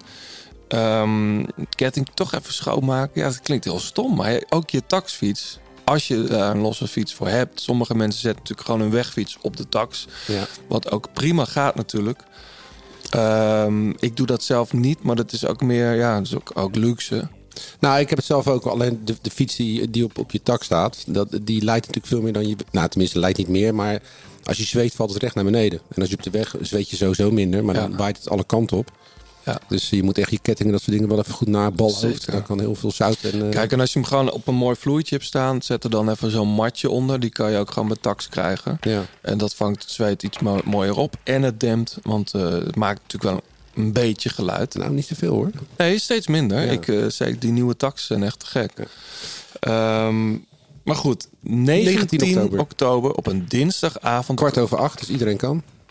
Als het goed is. Ik zet hem in de agenda, ja. Dus misschien Champions League. Ja. Maar goed, eh, we zullen zien. Heel misschien gaan we ook nog een, eh, dat weet jij nog niet, John, maar een, eh, een speciale editie maken voor op de tax. En waarom weet ik dat nog niet? Oh, daar hebben we het erover gehad. We hebben het over gehad. Oh, dat weet ik dan weer niet. Dat was mijn idee, man. Oh, was jouw Nee, idee? nee. Nee, goed. ehm, eh, maar daar komen we straks nog op terug. De soundtrack. Maar We maken een mooie soundtrack. Misschien is dat het beste, want dan hoef je niet naar ons oeverloze gelul te luisteren. Goed, uh, Liedewij, Parijs-Roubaix. Jij hebt op de bank gekeken. John, jij hebt ook op de bank gekeken. Hoe was dat? Geweldig. Ja. Ja. Hebben jullie ook enige twijfel gehad van... dit is toch wel iets te heftig misschien? Qua Ja, dat, hoe- ik, dat ik meer bij de vrouwen. Daar, daar lag er voor mij slechter bij nog dan bij de mannen. Nee, dat is dus niet waar. Nee? Nee. nee ik was ter plekke. Het is echt die... die ik ben zaterdag ook geweest. Eh, de stroken lagen toen ook al slecht. Maar het heeft die nacht nog heel hard geregend. En de volgende dag was het eigenlijk, eigenlijk niet te doen. Laat ik het zo zeggen. Als je met een groepje jongens of meiden had afgesproken... zullen we daar gaan fietsen, had je gezegd, doe maar niet. Eh, het lag er echt slechter bij. Ik heb eigenlijk geen twijfel gehad. Nee. Het is Parijs-Roubaix. Ja, ik ook hoor. En ik vind het wat anders als je in een grote ronde rijdt met allerlei soorten renners eh, van, Ja. eh, met verschillende specialiteiten, specialismes. Ja. Ehm, en iedereen dan door een gevaarlijke weersomstandigheid stuurt of over een gevaarlijk wegdek. Parijs, roubaix je weet, je weet dat er kasseien liggen, je weet eh, dat er modder ligt. Ehm, en er zijn genoeg renners die zeggen: ik, rij, ik doe die koers niet. Nee. Ik vind het veel te eng. Nee. Dus die stappen al niet op. Nee, ik had gisteren Julius van den Berg, eh, sprak ik gisteren nog bij een tv'tje, ook even na, na die tijd. Die zei ook, ja, dit is gewoon, dit is het. Dit is gewoon hartstikke mooi. Ik had Kees Bol ook nog even op Insta. Die, die hebben dit met heel veel plezier gereden, ook al was het een martelgang. Dit, was, dit is waarom je renner bent geworden. Nou, ik ben het helemaal met Liedewij eens hoor. Want ik, in de grote ronde worden ze ook wel eens getrakteerd op een Roubaix-etappe. En dan, eh, dan, dan speelt pech gewoon een hele grote rol. eh, en dat kan je klassement gewoon kosten. Maar voor zo'n eendagswedstrijd inderdaad, eh, we hebben er jaar op gewacht. En het zijn ironisch genoeg de dagen dat ik blij ben dat ik niet meer koers. Want dan, eh, om dat te zien is het natuurlijk nog veel lekkerder. lekkerder. Ja. Maar je hebt ook renners van Baarle die zijn gewoon eerlijk van ik zie er als een berg tegenop. Ja. En, en die zie je dan ook niet in, in, in de koers. Dat is, Nou, eh, dat is grappig dat je het zegt. Want ik had, we hadden ons goed voorbereid. We waren met een heel clubje. En ik dacht, ja, het wordt zo slecht weer. We, we bestellen gewoon ergens zo'n partytent. Ik zag het, ja. Uit- uiteindelijk knapte het weer nog goed op. Maar toen wij eh, na een hele eh, rits aan renners hadden toegejuicht... eh, kwam onze vriend van de show, Leon van Bon, nog even tegen. Trouwens, natuurlijk stond in onze bocht eh, te fotograferen. We waren aan het opruimen. De meeste mensen waren al ja, aan het lopen. Ineens komt daar Dylan van Baarle, Nicky Terpstra, Ramon Sinkeldam... En nog één renner die ik even niet herkende. Dat was sowieso al een sport om ze te herkennen.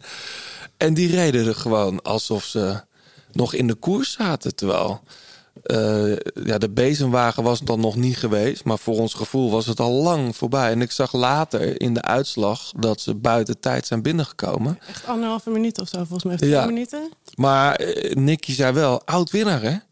Dit, dit, dit wilden we per se uitrijden. Dus dat geeft ook wel aan eh, die status van die koers of zo. Dat is toch bijzonder.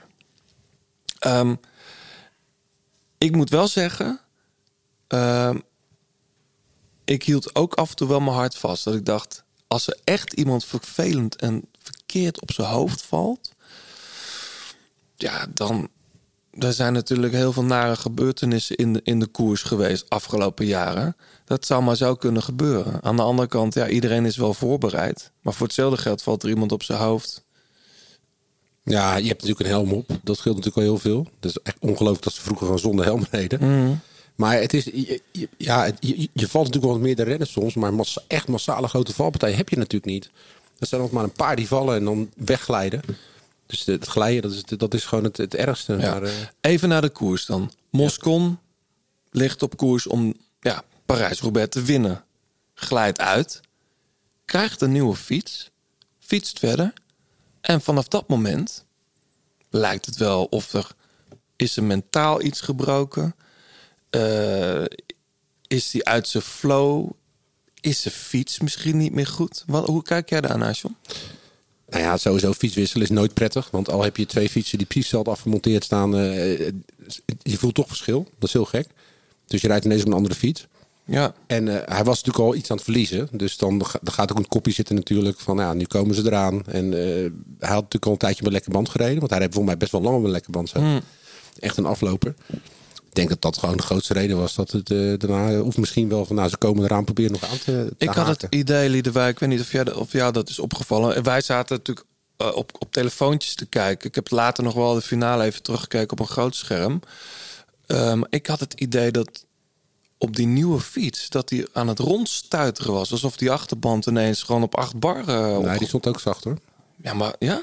Ja. Het was wel opvallend, vond ik. Ik hoorde, ik heb gehoord dat er met die dat de druk in de banden niet anders was. Oké. Ja. Nou, wat mij vooral opviel, ik, ben een, eh, ik vind dat heerlijk om op Twitter te kijken tijdens wielerwedstrijden. Mhm. Dat ook echt werkelijk niemand het Moscon gunde. Dat is echt een super onpopulaire renner. Ja, maar ja, die jongen dat is, die staat bekend als eh, en, en, een, en een nogal racistisch ingesteld figuur. Die zijn handen niet thuis houdt. Dus ja, ik vond het ook niet erg dat hij viel. Eerlijk gezegd. Ja. Hoe, eh, hoe heb jij gekeken naar die finale, Liedewij? Want Mathieu, die reed toch wel iets te veel op kop. Maar dat doet hij toch altijd ook wel. Maar dan verliest hij toch eigenlijk de koers? Ja, ik, het is natuurlijk, ik dacht wel toen hij ehm, nog op kop zat, zeg maar richting, het, eh, richting de wielerbaan, met Colbrelli in zijn wiel. Toen dacht ik, ja, ik zou toch niet, ik zou toch liever bij Colbrelli in het wiel zitten als je tegen hem moet gaan sprinten. Ehm, maar ja, Ja. Ja, maar toen was de koers al verloren, joh. Dat Ja. is, je kon het laatste uur zien dat hij, eh, dat, op een gegeven moment, toen die Canadese jongen, die bij hem met groepje Ja, zat, boven. Ja, dat hij eigenlijk redelijk makkelijk het gaatje weer dichtreed. Toen dacht ik van, de punt zit er gewoon niet meer op. Mm. Hij moest het echt hebben van zijn techniek in de bochten, waar hij door nog een paar keer wegrijdt. Ja. Maar het was wel grappig inderdaad van veel op kop rijden. Als je, zijn shirt was ook het minst vies van allemaal. Ja. Dus als jij veel in het wiel hebt gezeten, dan ben je natuurlijk helemaal, ja, helemaal bru- bruin van de modder. En eh, hij zag er nog best wel, best wel schoon uit. Dus, eh, Hij was goed te herkennen in ieder geval. hij was goed te herkennen, ja. Ja. Dus, maar het was, eh, ja, het is... eh, Ook aan zijn witte overschoentjes, hè? Zeker. Had- Tenminste, hij had iets over zijn schoenen heen... Ja. waardoor het net leek of hij met nieuwe schoenen aanreed. volgens mij had hij, had hij niet zijn overschoenen uitgedaan juist. Volgens mij Nee. zag je van achteren dat het achter nog wel modder zat. Ja, maar ik, ik hoorde dat het van die overtrekjes zijn... Oh. eh, die waterafstotend Ja. zijn. Zeker als ze nog niet gebruikt zijn. Waterafstotend. En daar reed hij mee. En hij had ook af en toe een schone bril. Maar dat was puur omdat hij dat dan weer uit de ploegleiderswagen eh, kreeg. Ja. Maar ik, ik, ja, ik vond Colbrelli wel een mooie winnaar. Ehm, maar... was ik blij ermee, hè? Zo. Wat een dramatiek. Nou, nou. En het werd ook maar vertoond en herhaald. Op een gegeven moment was ik die schreeuw wel een beetje zat Ja. of zo. Maar toch ook wel mooi. Hij tilt die fiets op en dat helikoptershot precies op het goede moment. Dat was net een film, toch?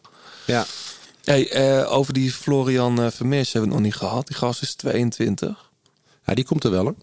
Wat een klasbak, hè? Ja, maar ook dat hij zo... Hij was gewoon echt teleurgesteld. Ja, ja dat vond ik mooi. Prachtig. Dat zei het, de, de renner zou die, die tien jaar koersen, die zou je voor getekend Van der. Poel was blij Ja, met zijn ik was derde helemaal plek. verbaasd over Van der Poel, die best wel nuchter Ik was gewoon, zat het meest kapot.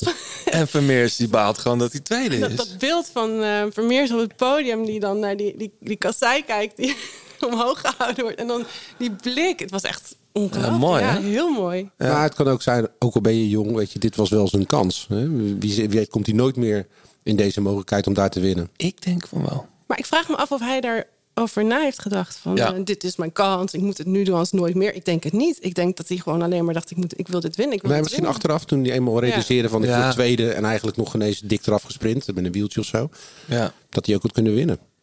Colbrelli eh, heeft de vorm van zijn leven te pakken. Trouwens, die hele ploeg al. Daar, eh, daar moet toch een keer een journalist iets meer werk van maken, vind ik. Maar dat terzijde.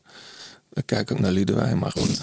Jij bent meer een mooi schrijver. Mag Ja, ik dat zeggen of is dat een vies woord? Ik heb ook na, dat- na, aan de ene kant misschien wel, ehm, maar ik, eh, ik ben wel heel erg van het benoemen. Ja, Ehm, ik zou niet, ik doe niet alsof, er, alsof doping niet bestaat. Oké. Ik heb het vind woord dat doping je- helemaal nog niet genoemd, dus dat is goed. Maar Bahrein Victorious rijdt dit jaar ernstig goed, opvallend goed. Hé, hey, Liedewij, als jij zegt van ik, ik hou van dingen benoemen, hè, wat vind je ervan dat in, een- in de vrouwenkoers Lindsay Dijken na 10 kilometer wegrijdt en gewoon heel de koers ervoor rijdt? Dat kan toch eigenlijk niet? Ja, maar zo'n een klasbak. Ja, maar dit- wat, wat gebeurt daarachter dan? Nou ja, maar heb je Is daar gezien... überhaupt gekoerst? Ja, jawel toch? Dat kan dat toch niet? Nou, wat ik, nou, nu we het toch over de dameskoers hebben. Marianne Vos rijdt dat laatste stuk fucking hard. Ja. Komt geen seconde dichterbij. Ja, vier seconden en dan ineens weer niet. Ehm, ik denk dat, dat eh, Lizzie echt gewoon... Er zat er veel wind mee, hè? dat scheelde ook eh, heel Ja, veel. dat was, dat, had, dat was bij, de, bij de mannen net iets anders. Volgens mij stond de wind iets anders, zeker op Carrefour. Maar ze had inderdaad wind mee. Dus Maar ik disqualificeer, eh, disqualificeer haar prestatie ook niet. Nee. Maar het valt me op dat in, bij het vrouwenwielrennen toch vaak gewoon een, een lange vlucht eh, stand te houden. Die Oostenrijks op te spelen. Eh, van der Breggen in eh, Oostenrijk. eh, dat, dat zijn allemaal mooie prestaties. Maar Mhm. bij de mannen zou je dat toch niet zo snel zien. Weet je, dan wordt er toch meer samengewerkt erachter. Ploeg op kop. nou ja, ik zag eh, even de poel gisteren nog in Bernocchi. eh Zo. een peloton dat- dat. Ja, daar gaan we het straks over hebben. Even nog naar de dames. Ja. Eh, het was eh Marijn de Vries, eh, gisteren eh, journaliste bij Trouw onder andere... En, en hier ook te gast geweest. Het was meer dan een primeur van Parijs-Roubaix. Dit, was, dit stond voor zoveel meer. Herkennen jullie je daarin? Dat Parijs-Roubaix voor vrouwen nu eindelijk is georganiseerd? Ja, het is mooi dat dat eindelijk is gebeurd natuurlijk. Ja. Ehm, het, is, het is bizar dat dat zo lang heeft moeten duren. Mhm. Maar ja, bij de ASO duren wel meer dingen Ja. heel bizar. Zijn dingen meer, meer dingen bizar, duren ze vaker heel lang. Nou, ja, ik, ik vind het vooral bijzonder dat het gewoon een, een eigen dag heeft gekregen. Hè? Dus dat je niet eh, even gauw voor de mannen wordt gepropt of daarna. Maar gewoon de zaterdag is gewoon voor de vrouwen. En ik hoop ook dat het zo blijft, want het was echt Ja. een mooie koers. Hele mooie koers. Ik, ik heb wel een beetje het idee, want ja, ik, ik heb wel, nou, achteraf, zal zij natuurlijk ook niet zo blij mee zijn. Maar dat Annemiek daar gaat rijden. En, en de reden die, daar ze voor, die ze daarvoor geeft. Van nou, in april ga ik het niet doen, want dan vind ik het te link voor de rest van mijn seizoen. En nu Mm. maakt het niet zoveel meer uit. Mm. Ja, en, en je gaat dan zo hard op je kokosnoot. Ja. En je breekt je, je bek of nog wat had ze, de schaambeen. Schaambeen en schouder. Schouder, ja. weet je Ze dan. zit al wel op de home trainer weer. Ja, ik zag het ja. Dus het, was, dus het is ernstig, maar ik, ik, ze kan haar... eh, Maar, maar moet een renner als Van Vleuten dat nog willen? nou ja, als Dat- ik dat- zie... Het, is nog niks voor haar. nee, maar kijk, als ik zie... eh, ik, ik heb daar gestaan bij de wielenbaan, op de wielen... of niet op de wielen, er vlak naast. Tot en met de nummer 50 of 60. Volgens mij finishte maar 60. Bijna iedereen kwam als, als een soort winnaar over de streep. Dus het was, ik, ook, ook meiden die, ja, trouwens bij de, bij de heren ook hoor, maar dat had denk ik een andere reden. Maar eh, toch heel geëmotioneerde vrouwen die als dertigste over de finish komen en echt genieten van wow, kijk, wij rijden nu fucking op die wielen. Elfsteden toch moment. Ja, heel erg dat gevoel van wow, weet je wel, dit is een historische dag. Wij rijden Parijs-Roubaix. Eh, en, en ja, ik vond dat wel, het was best wel mooi om te zien. Eh, los van het feit, en ik kan me echt voorstellen dat Annemiek ook gedacht heeft: ja, dit moet je toch een keer gereden hebben. Als het dan moet, dan, dan nu. In oktober in plaats van straks in april. Ja. Eh, dat het dan zo eindigt, is vreselijk. Voor Ellen van Dijk ook trouwens. Snap jij in dat kader dat Lucinda Brandt in Drenthe aan het crossen is? Nee, nee ik, had zo, ik heb een paar keer aan haar gedacht die dag. En ik dacht, ja, een cross in Gieten, hartstikke leuk. Maar die, die, dit is toch wel een unieke kans. In oktober, zij in topvorm, want dat is ze al een tijdje. eh, ja. Ik ben Laten wel benieuwd het verp- kan ook verplicht zijn vanuit de ploeg. Hè? Ja, maar dat kan me toch niet voorstellen. mm, Ja. Wat voor, een- wat voor een publiciteit eh, Roubaix heeft. Ja. Had ze een kans gemaakt, denk je? Ja, tuurlijk. Ja, maar dan had je, dan had je daar toch moeten staan. Ja. Ik vind het, ik bedoel, gefeliciteerd met de eerste crossoverwinning. Maar Ja. dat, ja, dat is ook mooi. Dan mag ze de wereldkampioenen trui aandoen. Maar Ja, vooral omdat ze natuurlijk wel het WK weg heeft gereden. Dat is een beetje een beetje een gekke stijlbreuk dan. eh, bijna alleen maar het crossen en dat is uh, een voorbereiding op de cross. weekje eerder, ja. Ja, dus eh, heel jammer. Nou, misschien in april. Maar is het niet ook uit angst voor ehm, eventuele gevolgen voor het crossseizoen? Dat denk ik Dat toch. zou kunnen, ja. Ja. Dat denk ik dan toch hoor.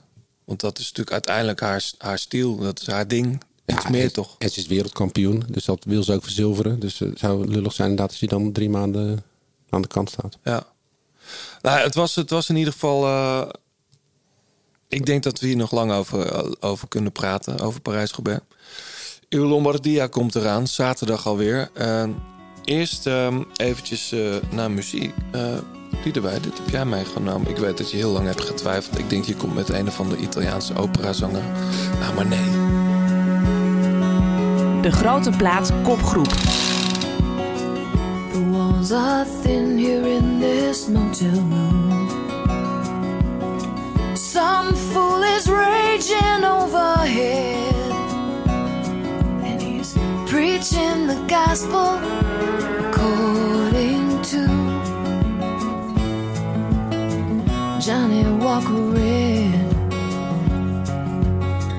400 miles talking to myself. Me and your memory end up here. I tell myself I'm gonna be alright, but it's still not clear. Did I just miss the last exit to Eden? Zo, dit is, dit is lang geleden, Liedewij, dat ik dit gehoord heb. Amanda Marshall van het album Amanda Marshall 1996. We hebben het hier best wel veel over de 90s, omdat veel muziek van tegenwoordig ook weer heel erg beïnvloed is door de 90s. Maar dit soort tracks en dit soort zangeressen kom je nog weinig tegen. Ja, ik denk het ook. Ja, waarom, waarom, waarom wilde je dit laten horen? Ehm, nou, het is, er zijn een paar ehm, liedjes die heel lang bij mij blijven. Ja. Ik heb echt van die favorieten die, nou ja, sinds mijn tienerjaren meegaan. En dit is er één van, waar ik naar blijf luisteren. De hele plaat of vooral deze nee, track? alleen, nee, ik heb bijna nooit hele albums. Want hier staat hier een wereldhit ook Ik nog weet op, hè? Beautiful Goodbye. Ja, ja. ja. daar kan ik dan minder goed eh, Ja, naar luisteren. heel sentimenteel liedje.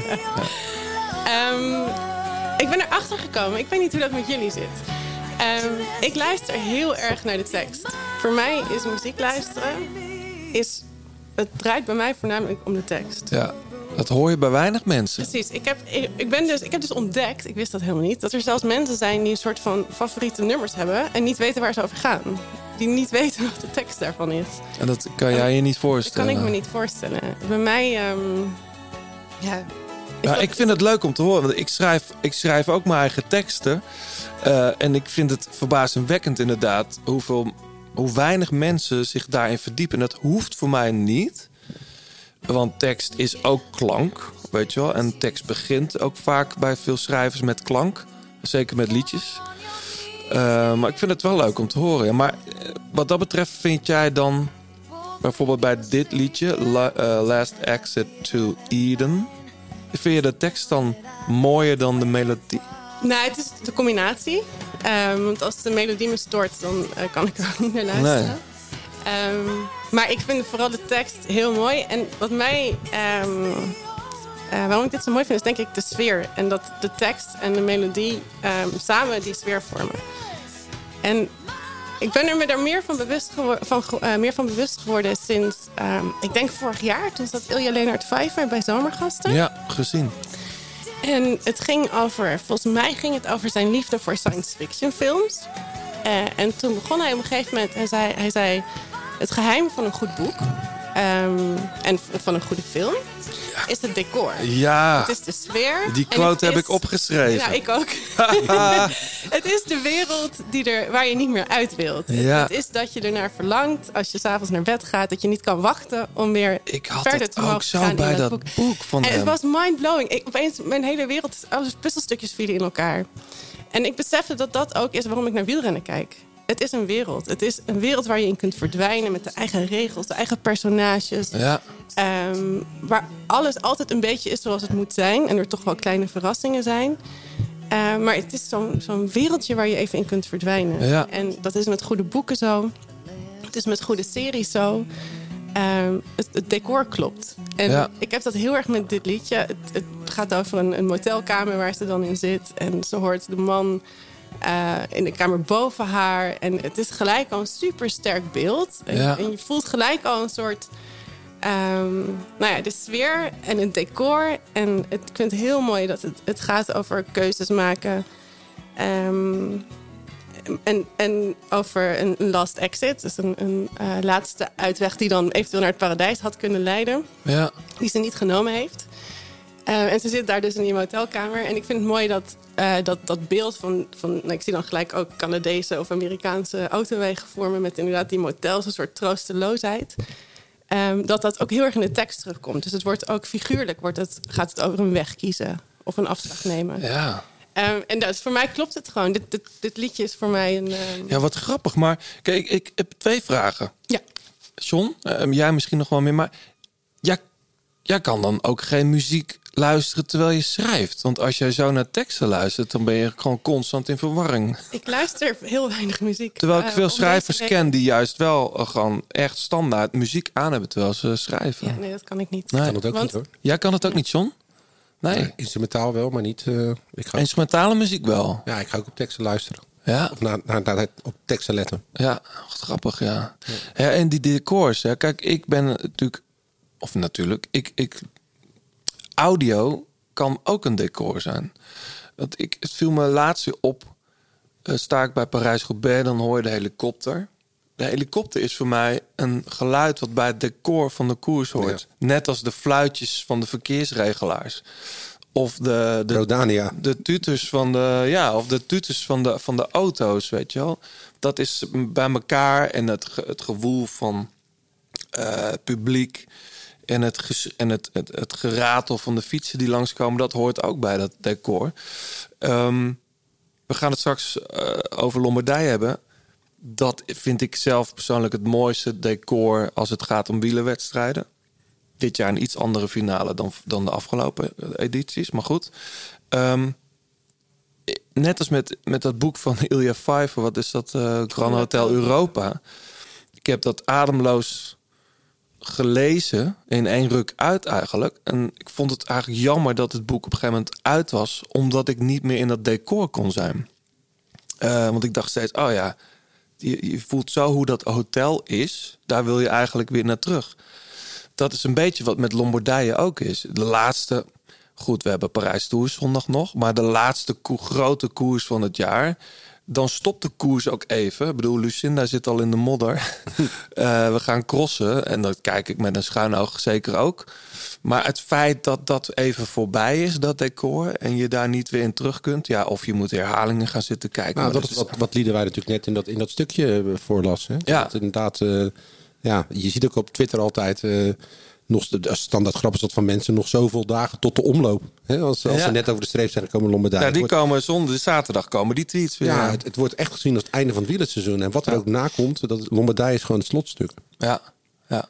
Ja, en het, het, het, het hele wielrennen is natuurlijk een decor. Maar het mooie, dat denk ik nu, de sfeer van die koersen... en waarom Parijs-Roubaix anders is dan Lombardije... eh, heeft natuurlijk ook met het parcours te maken... maar ook met het decor dat wezenlijk anders is. Dat geeft Ja. ook de sfeer en het karakter aan de koers. En daarom is denk ik ook Giro anders dan de Tour. Ik vond het trouwens helemaal. Je had het begin, eh, John, eh, had je het over dat volgend jaar Roubaix een week verschoven is, dat Amstel ertussen zit.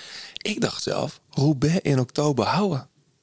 Hoe mo- Die vergeelde mais. Prachtig. mooi toch? Normaal staat er helemaal geen mais. Ik bedoel, eh, ja, ik, ik vond het wel wat hebben. ik vond het raar. Nee, het is ook raar. Maar het, is ook, het heeft ook met de lucht te maken. Weet je, ik, ik zat dat te kijken. En het licht. Ja, en, en het licht bedoel ik, ja. Ja. Want ik had... eh, het was natuurlijk een troosteloze dag. Het regende en ik keek zo naar buiten en toch voelde het niet als april.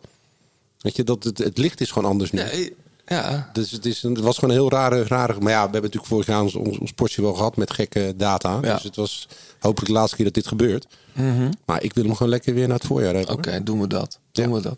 Eerst even naar het Shimano Service Center met Joost Oetelmans.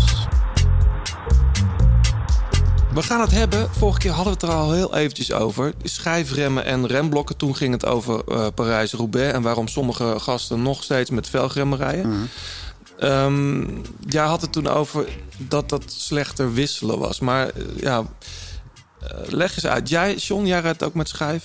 Ja, ik ja. ook eigenlijk. Ik had laatst nog dat ik vertelde, hè, op de Etna huurde, had ik een fiets gehuurd met eh velgremmen. Ja, dat wil je toch echt niet meer. Tenminste. Eh, als je eenmaal gewend bent aan schijfremmen, wil je niet meer zonder schijfrem naar beneden fietsen. Nee, durf behalve ik Chris eigenlijk wel te zeggen. begrijp ik. Eh, Chris Froome rijdt ook met schijfremmen, maar eh, die, die schijnt niet heel tevreden te zijn. Ik moet zeggen, ik heb daar meerdere malen contact over gehad. Ook via Chris. En ook met zijn persoonlijke mechanieker, die ik redelijk goed ken. Ja. Ehm, het hoeft niet altijd te zijn dat de schijf niet goed is. Eh, er zitten mensenhanden aan. De een eh, studeert meer als de ander. Ook om te leren hoe wat te doen, laat ik het zo zeggen. Maar wat zijn de verschillen als je eh, mensen... Er zijn ook luisteraars die nog niet of misschien helemaal niet Maar willen. mijn grootste tip, eh, die sowieso voor iedereen geldt... toerist, trimmer of prof, of hoe je zo kan maar noemen ze noemen. trimmers nu. Ja, nou, dat is jouw noemen woord. Nu, nou, het is niet mijn woord. Ik heb dat woord ook geleerd. maar laat ik zeggen, de grootste tip met schijfremmen is punt 1. Eh, laat ze ergens monteren door mensen met verstand van zaken. Ja. Een schijfrem is pas goed als die is ingeremd. En dat weten zeer weinig mensen thuis. Er zijn apparaten ook voor, hè? Goede, goede Er zijn apparaten Ja. voor inderdaad, die, eh, die zie ik ook links en rechts wel opduiken. Eh, zeg even, in mijn tijd toen het allemaal begon, waren die apparaten er niet. En moest je gewoon tien keer heel hard remmen. Zowel tien keer voor als tien keer achter. En dan voel je daadwerkelijk verschil. De breekpad in dit geval is een organisch materiaal. Dat organisch materiaal laat een beetje los op de rotor, dus de, de schijf. Waardoor je echt kan gaan remmen. Het is niet anders als eh, rubber op een Formule 1 circuit. Waardoor die auto's meer grip hebben en het warm rijden. En dit is een beetje hetzelfde als het organisch materiaal dat op de schijf komt. Waar daarna dus de, de, de breekpad beter pakt. Uiteraard bij droog weer, maar ook bij nat weer. Ja. Dus dat is zeer belangrijk, inremmen. Dat is, dat is Maar, maar bijvoorbeeld, kijk, ik weet nog wel met velgremmen. Mhm. Vlak voordat ik dan eh, een, een weekje naar de Alpen ging of zo, of Mhm. naar de Dolomieten, dan doe je even nieuwe blokjes erop. Ja. Weet je wel, dan, Ja. dan rem je, eh, die rij je Ja. vast even. Maar met schijfremmen. Is het dan slim om dan ook vooraf zo'n trip bijvoorbeeld dat, dat te, na te, la- Zou ik te ten- laten nakijken? Zou ik ten alle tijde doen. Want eh, een breekpad van een schijfrem heeft in principe 2 mm materiaal. Wat, wat breekpad, moet je nog de even... breekpad, dus het, eh, nou, laten we het gewoon een remblokje noemen. Ja. Zoals je zegt over remblokjes van een velgrem. eh, ja, wij hebben Engelse termen, dus breekpad. Het helder. schijfremblokje, laat ik hem zo noemen. Ja. Daar zit 2 mm organisch materiaal op. Onder de 0,5 mm is dat blokje toe aan vervanging. Dus wat dat betreft... Maar kun je dat zien zelf? kun je op het blote oog deels wel zien wanneer die heel smal wordt. Maar voor elke grote fietsstrip zou ik sowieso, als je niet handig bent, met je fiets naar een, Nou ja, ik, in dit ik geval, zei net nog tegen. John. Ik vroeger, weet je al, had ik de fiets eh, bij mijn ouders Mhm. in de schuur hangen. En dan zaten we middagenlang derieurs af te stellen, je remblokken. Ja. Nu, ik zou niet meer weten hoe dat moet met een Maar ik kan me ook wel voorstellen dat mensen het spannend vinden. Ik bedoel, eh, Mhm. het, is, het is bij velgremmen toch meer het idee dat het heel concreet is. Je trekt aan een kabeltje en iets knijpt vast. Mhm. En bij schijfremmen te maken met oliedruk. Weet je, je hebt toch meer dat het techniek is die jou zeg maar veilig moet houden. Dus ik, ik vond het begin ook wel spannend hoor. Toen ik een bergje afging met voor het Mhm. eerst met schijfremmen. Nou, ik, ik, ik begrijp dat. Alleen persoonlijk kom ik zelf fietsen meer uit het mountainbiken. En daar, ja, was daar, al heel klinkt- lang. daar liggen ze al tien jaar voor. Ja, toch. Hè? We hadden het de vorige keer even over dat, eh, dat in, in Roubaix bijvoorbeeld nog niet iedereen Mhm. met, met schijfremmen wil rijden. Dat, dat heeft dan te maken met, dus, met eventuele wissels in geval Wielwissels, van pech. eh, wielwissels, omdat elke constructeur een eigen sluitsysteem heeft. Maar hoe doen jullie dat dan vanuit de Shimano-wagens? Ehm, zoals afgelopen WK eh, is het heel simpel. We weten heel veel op voorhand. Mhm. Maar eh, ik ga s'morgens met de desbetreffende hoofdmechanieker van de neutrale service heel vroeg naar de start. En stomweg met pen en papier een rondje lopen. En dan ga ik alle fietsen bekijken. Van alle ploegen? eh, die probeer ik te bekijken allemaal. Want Oh, ja. er starten bij de elite mannen, wat zijn dat? 200 man. Mhm. Dus die zie ik niet allemaal. En eh, bij, eh, ik noem wat, Mathieu van der Poel, hoef je het mij niet te vragen, dat weet ik. Maar bij een renner uit Azerbeidzjan, die ik niet van naam of fiets ken, misschien kan het op handig zijn dat wij dat even opschrijven. dus, Ja, dat weet ik. vond ik een mooi dus, merk. Ja, ja, dus nee, ja, wij proberen dat dan onder elkaar te bekijken om toch in die auto te weten. Want een landenteam of een eh, profteam, die hoeven niet na te denken. Die mechaniekers weten blind wat hun hebben. Nou goed, John, wij, wij gaan ehm, eh, onze schijfremmen laten checken. Ja. Want je hoort het niet, hè, als ze, als ze bijna versleten zijn. Je hoort het piepen, als het toch? bijna te laat is. Ze kunnen gaan piepen, maar dat kan ook piepen zijn dat kan. ze verglaasd Als ze zijn, nieuw zeg zijn, maar. piepen ze Dus- ook soms. Ja, dat, daar kom je dus weer op dat inremmen. Ah, oké. Dus dat is het, het verglazen van het organisch materiaal. En, en daarom is inremmen zo belangrijk. Maar als ze gaan piepen, dus min of meer gillen... dan kan het zijn dat je organisch materiaal, dus de, het remblokje op aan het raken is... en dat je op ijzer komt. Ja, goed. Ehm, wij gaan dus eh, onze remmen laten afstemmen, John. Bij een Shimano Service Center. Als je dat nou ook wil als luisteraar, dan moet je even naar die site gaan. Typ, typ je postcode in, dan krijg je het Shimano Service Center bij je- jou in de buurt. En je hoeft er geen Shimano voor te rijden. Nee, zeker. alles. Dat kan met alle merken. Ook met, Ja. eh, met SRAM en eh, zelfs Kampa, alles. Ik weet niet of ze Suntour nog doen. Bestaat dat nog eigenlijk? Het bestaat. Voorvorken. Oh, grappig. Ja, tuurlijk. ja. Tom Pitcock rijdt voor de ermee. Olympisch kampioen geworden met een Suntour voorvork. Goed, Joost, tot volgende week. Top. Ja, jongens, terug naar de koers. We kondigen het al de hele, de hele aflevering aan. Lombardije zaterdag. Zaterdag hiervoor was Emilia. Ik heb het niet kunnen zien. Eh Roglic, het is een beetje zijn, eh, zijn klimmetje. hè? Hij Ja. won daar eerder al. Ook in die proloog eh, in de Giro van een paar jaar geleden. Vanuit Bologna dan dat, naar dat eh basiliekje. Wat is het? Ja, het is een klein kapelletje daarboven. Mooie klim. Ehm, ja, hij was, was gewoon wel de sterkste. Ik heb er wel wat dingen van teruggezien, maar dus niet de, de, dag zelf. Eh, afgelopen zondag zou eigenlijk eh Bekele plaatsvinden. Op een of andere manier ging die niet door. Ik weet niet waar dat mee te maken had. Gisteren was dan de Coppa Bernocchi. Eh, dat is een hele onbekende semi-klassieke eigenlijk voor ons. Maar toch alweer de 102e editie. Moet je nagaan. Zo. Eh, wie daar ooit won twee keer? Sonny Colbrelli. Kijk. Maar afgelopen maandag won daar Remco Evenepoel. Ja. En scheid weer. Eh, dubbelde daar het eh, peloton. Dat is toch ongelooflijk? Ja, en hij had ook gezegd dat hij eigenlijk niet wilde rijden. Het paste niet zo in zijn voorbereiding. En, en, Nee, en, het is en als dus- het slecht weer zou worden, zou hij afstappen. Ja, maar goed. In, de- in, in het begin van de koers zitten wat heuveltjes. Daar is hij met Masnada volgens mij vertrokken. Al, als een soort trainingsrit. Toen dacht ik, rij maar door. En hij won volgens mij had hij zeven minuten voorsprong. Nou, ik zet hem aan en toen zei Karsten Kroon van... eh, hij gaat gewoon met twee minuten voorsprong winnen. En dat klopte ook, 2,20 of zo. 220 op de, ja, op de groep. Ja, op de groep 8. Ja, ja. Die was ook helemaal uit elkaar gevallen. Want zijn ploegmaat eh, die werd nog, eh, nog derde. Ja. Ja.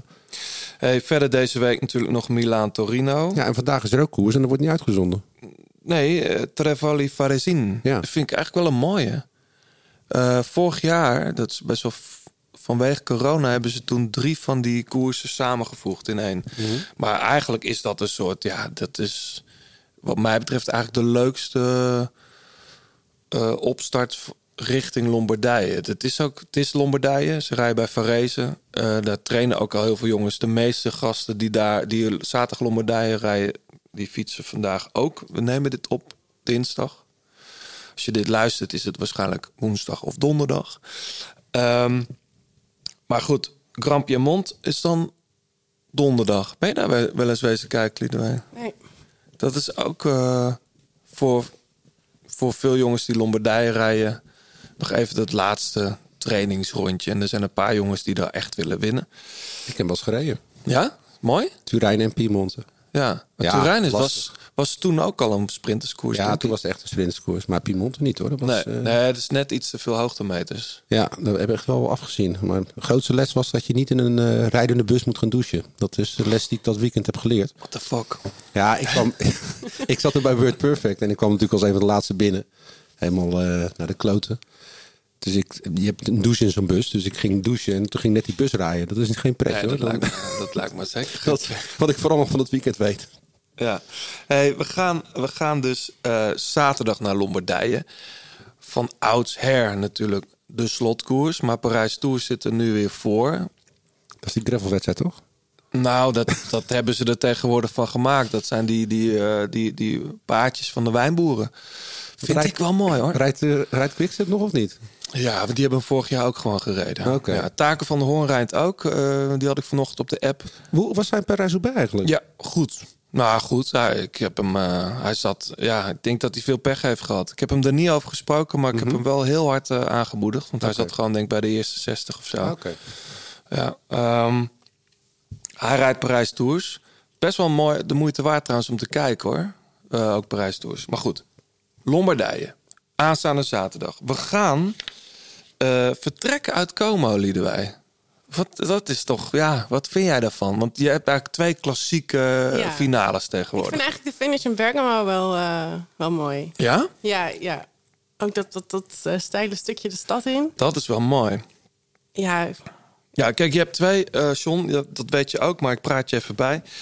De klassieke finale, vind ik, is...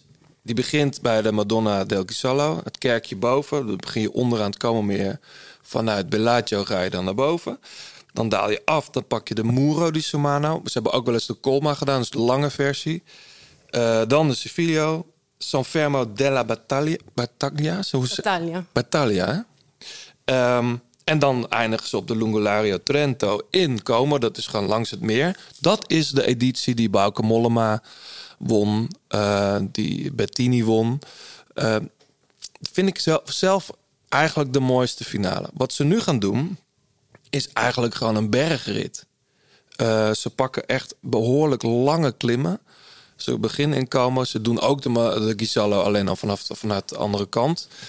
Ehm, en dan eindigen ze in, hoe heet dat, Alta? Bergamo Alta. Ja, dat is gewoon het, het his- historische Bergamo. Bergamo. Boven ga je die klinkertjes op, kom je bij zo'n poortje. Kamensient eh sprinten daar ooit eh Bogert af. Een week na het WK. Het is wel echt een mooie klim. Alleen ze finishen daar niet. Dus er is waarschijnlijk te weinig ruimte. Volgens mij gaat ze nog een stukje naar beneden. stukje naar beneden, ja. Ehm, maar wel mooi. Het schijnt droog te zijn zaterdag. Dat is ook wel lekker. Dan eh, hopelijk heeft de zon wat ruimte. Want dat, je had het over de, de lucht net en het licht. Dat vind ik toch wel altijd mooi van, van Lombardije. De zon staat zeker rond finishtijd eh, vrij laag. Dus dan, dan, dan wordt Lombardije nog mooier dan dat het al is.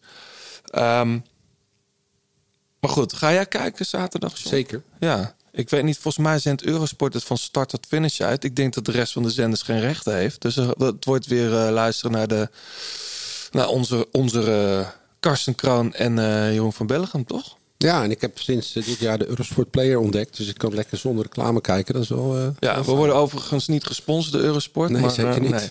Hey, dat Mag is wel, hoor. Ja, hey, een hele mooie startlijst toch wel. Alain Philippe, die fietst daar. denk ik als kopman zeker. Ik zag dat eh Nou. Kosnov... Huh? Niet? Even de poel. Ja, Almeida. Nou, dus hebben trouwens ze hebben Team, volgens mij wel drie, Ja. drie jongens die daar kunnen winnen. Mauri van Zevenhond fietst ook mee, zie ik. Age de Zer rijdt met Cosnefroid en Bertet. Die ken ik niet zo goed. Jean Poussin natuurlijk. Eh, ben O'Connor. Alpecin rijdt met Floris de Tier als eh, kopman, denk ik. Maar Vakoc rijdt ook. Bahrein Victorious, net al genoemd, rijdt met Landa, Jack Haek, Gino Meder, Dylan Teuns. Dan hebben we Astana. onzichtbaar in Parijs-Roubaix trouwens. Volgens mij zijn er drie jongens binnengekomen. En, en ook zeker niet bij de eerste 50. Die rijden met Vlaasov en die Battistella. Dan Schachman voor Bora. Denk ik de kopman misschien met Boegman. En die Matteo Fabro zal wel in een vroege vlucht mee zitten. Die kleine Italiaan, weet je wel. Die, Ja, eh, die moet wel een stapje gaan maken, vind ik. ja, hè? Ja. Ik zie trouwens dat Ieder Schelling ook op de startlijst staat. Die was even niet zo een, een hele goede doen. Ook niet eh, opgesteld bij de, in het WK. Maar hij is wel flinke trainer weer, hè? Zag het, ja. Op zijn Strava. Ja. Eh, Guillaume Martin rijdt voor Cofidis. Thibaut Pinot is weer eh, aan het fietsen. En met veel plezier, begreep ik. En ook best wel aardige uitslagen is die aan het rijden. Ehm, die zou ik ook nog wel een keer een mooie overwinning gunnen dit jaar. Hoewel het misschien net te vroeg komt Lombardije. En daarna is het alweer voorbij. Ja. Godu rijdt daar ook voor eh Groupama. Eh, even kijken, vergeten we nog wat naam te noemen. Dan Martin rijdt denk ik eh, zijn laatste wedstrijd. Dat is natuurlijk ook Lombardije, Liedewij. Voor heel veel jongens eh, gewoon de laatste Ooit. ooit. Ja, ja, De dat, herfst is dan wel echt... ja hè? Ehm, wie rijdt er nog meer? Simon Yates rijdt voor Bike Exchange met Chavez, oud-winnaar ook. Quintana, Barguil rijden voor Arkea. Pozzo Vivo. Eh, die rijdt voor eh, misschien ook wel zijn laatste wedstrijd voor Team Quebec. hè, Want daar hebben we het nog niet over gehad. Maar Ja. er is nog geen sponsor. Nee. Eh, alle renners daar mogen, mogen uitkijken naar een nieuwe ploeg. Ja, wie zit er op de jongens te wachten? Ja, Victor Kampenaerts wil iedereen denk ik wel in zijn ploeg. Maar verder denk je van... Of verge- vergis ik me dan? Nee, het is... eh, Maar laat in het seizoen ook. Heel laat, veel te laat. maakt. Ik snap het niet. Maar goed, dat was toch een paar jaar geleden ook al. Twee jaar geleden, toen NTT er nog bij betrokken was. Ja. Wel jammer. Hey, ehm, we gaan het straks over de, de kanshebbers hebben. Eh, want UAE en Jumbo-Visma hebben denk ik wel de twee grootste troeven. Naast, eh, naast de Koning Quickstep. Namelijk Pogacar rijdt. En Roglic is natuurlijk ook oud-winnaar. Uh, Poker rijdt voor het eerst eh, zo'n Italiaans slotstuk. Maar is volgens mij ook wel serieus aan het trainen hiervoor. Nee, goed WK toch ook? Prachtig WK, ja. Ehm, en dan rij je, ja, dat vind ik altijd wel leuk, Fini, Fini Sabu. Klein Italiaans ploegje. Dan dat Eolo Cometa, de, de ploeg van Ivan Basso. ja, hij komt toch steeds weer terug. De draad van deze podcast. Ja, Je luistert nog steeds naar De Grote Plaats. Alle liedjes in deze en vorige afleveringen luister je in zijn geheel terug in de playlist De Grote Plaats Songs op Spotify.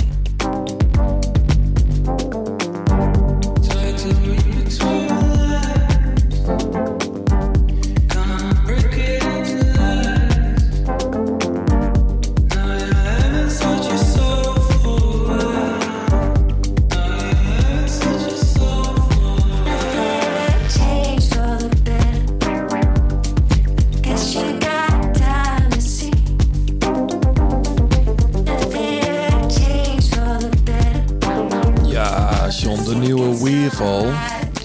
Eh Harm Kolen en Marijn Scholte-Albers, zo ken ik ze een beetje. Je bent fan, hè? Ja, al jaren. Eh, nieuwe track uit. ehm, uitgebracht bij Ninja Tune. Dus dat is echt wel een serieus label waarvan je denkt: wow, artiesten die daar getekend hebben of daar wordt door, door, door Ninja Tune worden uitgebracht, dat is toch wel dan, dan zit je speel je wel Champions League hoor. Ehm, hele mooie track. Ik ben blij dat ze weer met iets nieuws komen. Ja, jij eh, zei voordat we begonnen ook al... ze hebben een mooie nieuwe remix ook van Evie de Visser Ja, van de parade. Ook heel mooi. Populaire act. Hele toffe live act ook. Ik hoop, eh, ik hoop ze binnenkort een keer weer ergens te zien. Changed for the better. Ik denk dat ik het wel eerder heb gedraaid hier. Eh, maar goed, we, we maken nu al drie seizoenen. dus er komen steeds meer artiesten die af en toe wel vaker dan één keer... eh,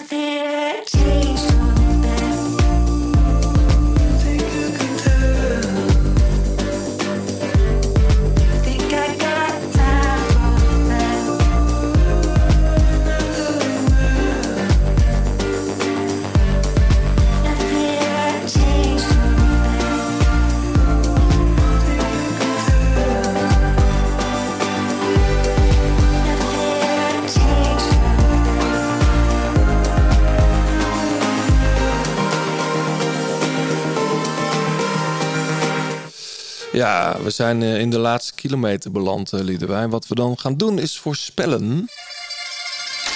De grote plaats, laatste kilometer. En we gaan voorspellen wie de ronde van Lombardije gaat winnen. Ehm, de vorige keer eh, was de vraag aan onze luisteraars: wie wint het WK? Ja. Eh, en dan kon je winnen een Shimano Servicebon. Net gehoord eh, hoe die Shimano Service Centers werken. Je wint een bon ter waarde van 100 euro maar liefst. En dan kun je die eh, inleveren bij een Shimano Service Center. Ja. Nee, wil, wil je weten wie dat was? Ik wil we- weten wie er gewonnen heeft. Nou, dat is wel een grappig verhaal. Dat is, ik kreeg namelijk een berichtje van, van Brian. En dat was van de, nou, trouwens, dit is van de vorige keer. Eh, die eh, zegt: eh, Hallo John, ik schrik me tijdens de podcast net een ongeluk dat ik ineens mijn naam hoor. Het ging over de Shimano-beurt voor mijn fiets. Super tof, maar ik heb helemaal geen racefiets. Helaas heb ik die door financiën nog niet kunnen aanschaffen. Ik moet het nog Ah. doen met een stadsfiets met kinderzitjes. Geen idee of die beurt er ook geschikt voor is. Anders kunnen jullie iemand anders misschien heel erg blij maken. Het was heel grappig om ineens mijn naam te horen. Groeten Brian. Eh, maar dus Brian wint die Shimano Servicebon. Nou ja, die die het niet gaat gebruiken. Dus dat was van de, van de, van de vorige keer. Oké. Dus, maar, dus Brian moet eerst een fiets kopen? Ja. Ja. Dus... eh, Oké, Brian. Maar dan wel meedoen met zo'n misschien met nog een actie. Dat is wel grappig. Ja, dat is wel leuk, ja. Maar dus die krijgt de bon niet eigenlijk. Nou, er waren meer winnaars, neem ik aan. Nee, dit was van de vorige keer. Dus Oh, de vorige even, keer. Eh, Even willen noemen. Nee, Ja, de, wel leuk, ja. Van de afgelopen keer natuurlijk alle Philippe als wereldkampioen is gewonnen door Peter Stevens. Dus eh, neem even contact met ons op en dan eh, kan jij eh, je fiets laten onderhouden voor eh 100 euro, geloof ik. Hè? Zeker. Ja. ja. Bij een Shimano Service Center. Ja. Dat kan ook als je met SRAM rijdt of met Campiolo of met... Ja, dat is wel even helder. Voor, dat is wel goed om dat even helder te maken. Ja. Ja. Welk merk je ook rijdt, je kunt daar altijd terecht voor, eh, voor advies en eh, onderhoud. Ehm Liedewij, Lombardije komt eraan. Je hebt daarna ook nog de Coppa Agostino. Dan gaan ze volgens mij op Sardinië ook nog een rondje rijden. Italië is nog lang niet klaar hoor, met fietsen. Zitten we de laatste kilometer trouwens? Ja, en de Giro de Veneto. Veneto. Veneto, ja. Sorry hoor. Ja, ik kan bij jou. Zelf corrigeren. Ja, dat is wel goed. Ja. Gewoon net op tijd. Ehm, dat is volgens mij een nieuwe koers. Ehm, dan hebben we ook nog de AJ Bells eh, Women's Tour. Ja. In, eh, in de UK. Zonder Jumbo-Visma, wat ik heel gek vind. Het is toch een World Tour eh, wedstrijd. En iets wat mij aan het hart ligt, het EK baanwielrennen. begint EK vandaag. baan wielrennen begint ook. Gretchen. Ja. Zwitserland.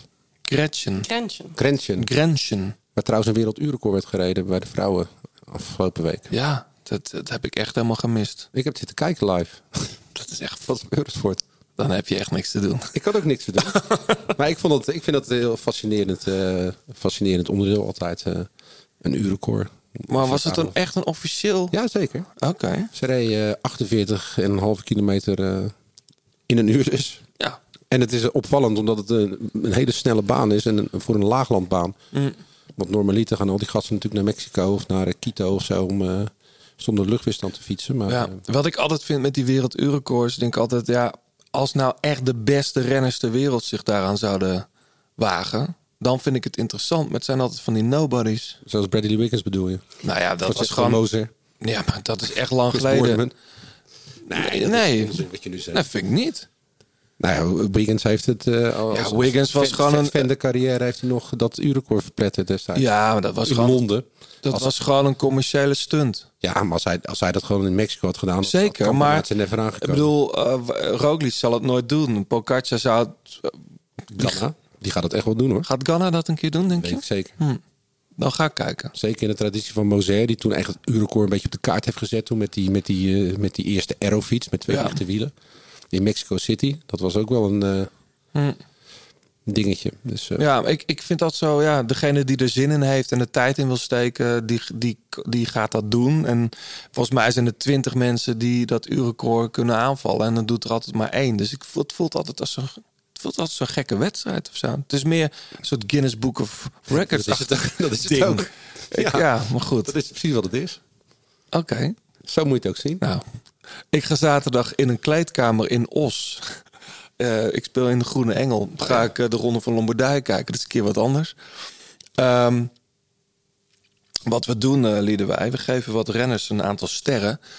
Drie sterren voor de meest favoriete renners, twee voor de iets minder en één voor de, ja, de, de mensen waarvan we denken een kleine kans.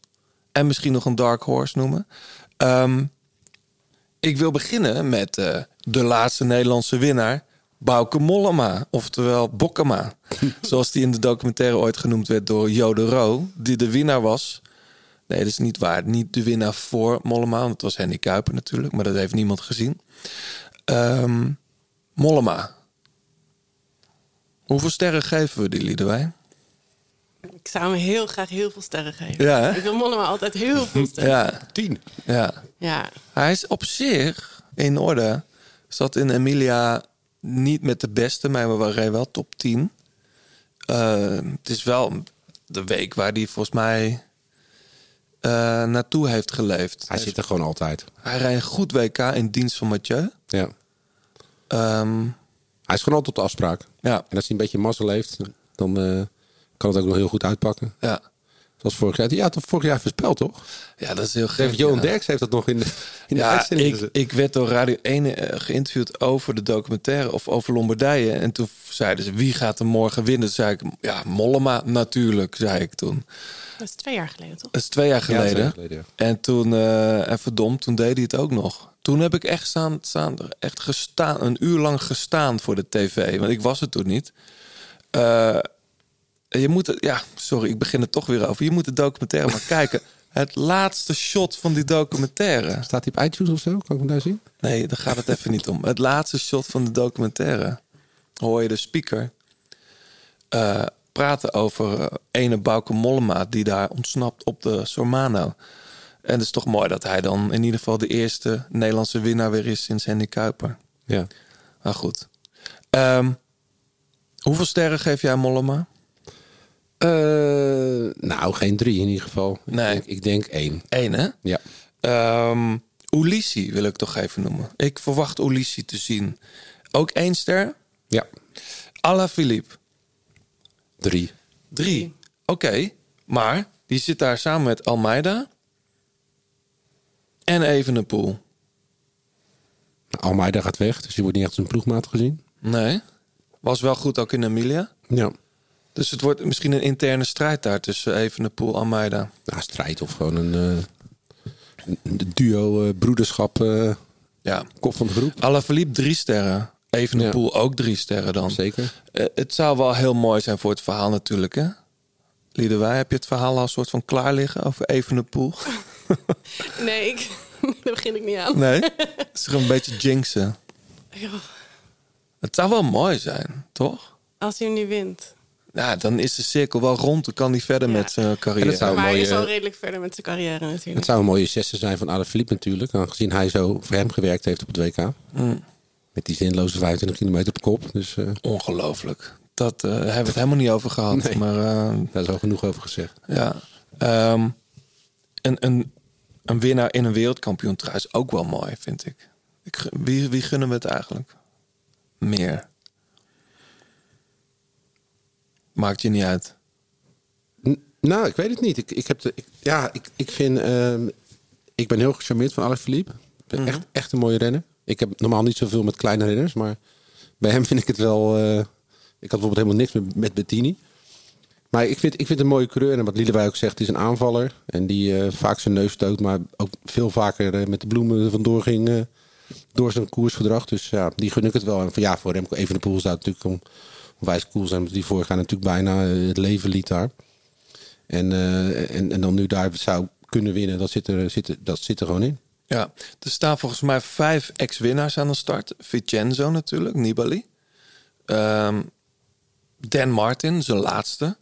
Eh Thibaut Pinot, ook winnaar natuurlijk. Bouke, we het over gehad. En Chavez. Ik denk dat van, van die vijf... Ja, Mollema misschien het, het, het meest kans maakt op een top drie. En Nibali verwacht ik niet zo. Ik zag trouwens ook wel een oude Spanjaard eh, weer aardig eh, omhoog eh Val sputten. verder? Ja, man. Ja. Eh, Maar Nibali nooit uitvlakken. nee, hè? Och, Nee, nooit. nooit. Nee. Altijd rekening Heb je daar zwak voor? Ja, nee, ik, dat vind, ik vind hem zo fantastisch. Ja. Ik kijk heel graag naar Nibali. Ja. Ja. Maar oké. Als je hem dan nu eerlijk gewoon wat sterren zou moeten geven. Ja, zou ik hem toch wel voor de zekerheid een ster geven? Ja, eentje. Ja. Eentje, ja. Ben ik het wel mee eens, denk ik. Ja. Dat zal ik ook doen, denk ik, met Simon Yates. Ehm, weet je wie ook rijdt? En dat is leuk. Lo- los van dat eh Tijmen Aresman rijdt. Die eh, zeer binnenkort bij ons aan de kerstbrunchtafel zit. Of zeer binnenkort, dat duurt nog heel lang. Ja, maar goed. Eh, en Michael, die Michael Storer. Eh, die helaas weggaat bij DSM. Maar die in de Vuelta natuurlijk fantastisch reed bergop. Dit is eigenlijk best wel iets voor hem. Zeker. Eh, die, die geef ik graag twee sterren. Ehm, eh, dan vergeten we natuurlijk eh, de drie sterrenmannen. Eigenlijk zijn dat er maar twee, denk ik. Roglic en Pogacar. Of ben je, ben je het daarmee eens, John? Nee, ik had, wij hadden volgens mij alle Philippe met drie sterren staan. Oh, alle Philippe natuurlijk. Ja. Ja. Zo, ja, nee, ik, ik denk toch dat Roglic en Poca daarboven staan. Ja? Ja, zelfs voor, voor, voor- zelfs boven. Omdat er nu gewoon langere klimmen in zitten. Het is een langere, ja, het zijn minder kortere klimmen. Het, zijn, eh, het, is staan echt, het is gewoon een bergrit geworden. Met een, eh, met een heel snedig aankomst. Kijk, als het nog bij elkaar zit, vlak voordat ze naar Bergamo rijden. En even de poel zit daarbij, dan geef ik hem ook wel een goede kans natuurlijk. Maar ehm, ja, we zullen zien. Ik vind het. ehm, eh, ik, hoop, ik hoop vooral op, op spektakel eigenlijk. Dus wat mij betreft mag het ook totaal iemand anders worden. Eh, Michael Woods rijdt ook goed. Maar vind ik, is net geen winnaar of zo. Is een hele goede renner. Hoeveel sterren geven we Michael Woods? Geen. Helemaal niet. Nee. Oeh. Ja, we kunnen iedereen sterren geven. Nou, dat wordt wel heel nee, we hebben 3 2 eh, we hebben nog weinig mensen met twee sterren. Maar goed. ehm, Maar zit er in die kleine Italiaanse ploegjes nog een verrassing? Waar we nu even eh, heel makkelijk aan voorbij Fortunato, hè? Ja. Eh, Vivo? Pozzo Vivo, ja. Waarom niet? Ik weet niet eh, hoe die in vorm is. Hij heeft geen Vuelta Geen gereden. idee. Eh, ja, wat, de, Frapporti is die ene kopman. Eh, Fortunato is toch die jongen die toen die Giro-rit won? Waar, eh, hoe heet die? Die steile puist. Ja. Ik weet het niet hoor. Denk het niet. Denk niet dat ze eraan te pas komen. Androni eh Giocattoli, zeg ik het zo? Katteli. Giocattoli, ja, dat had, ik, had Kenny van Hummel ons al geleerd. Rijden ook gewoon mee. Bardiani rijdt mee. Het is altijd wel leuk, maar die ploegen hebben daar eigenlijk niet zoveel te zoeken. Vroege vlucht, hè? Dat is het, dat is het. Maar het is sowieso mooi dat er nog zo'n mooi deelnemersveld staat. Hè? We Ja. hebben het wel over- over september ritus, maar oktober is natuurlijk wel... eh, Het is echt een lang seizoen geweest. Ja. Dus eh, ik heb er zin in. Ja. Ehm, Gianni Moscon rijdt ook. Hou die man in de gaten. Goed, jongens. Ehm, ehm, tot zover, denk ik. Eh Liedewij, eh, nogmaals van harte bedankt dat jij hier was. Ehm, Ik heb dus deze nog, Pellegrino. Pellegrino? Ik begreep dat John hem nog niet had gelezen. nee. Nee. Maar ik, ik ben een beetje bang voor een recensie. Ja, je bedoelt naar aanleiding van wat Hoe hij lang heb over jij mij... daar precies last van gehad? Nou, je merkt het. Na tien jaar, tien jaar later zit het nog steeds hoop in mij. Ik, ik heb dat één keer gedaan. Dat was toevallig op jouw documentaire. Daarna heb ik nooit meer iets over film of over boeken of Nou, geschreven. vooruit, dus dan, mag je hem, eh, dan geef Nou, ik hem aan jou mee. dan moet je hem wel signeren voor me. Ja, het is echt een prachtig boek, mensen. Eh, check, check het even. Het is overal nog te koop, denk ik. Volgens Ja, mij zeker. ook eh, in Duits verschenen. Dus, ja, ook een Duitse vertaling. Als je Eh, en de zoveelste druk al. Het is echt de moeite waard. Het is ook een heel mooi cadeau. Ik heb het ook al regelmatig cadeau gegeven aan mensen.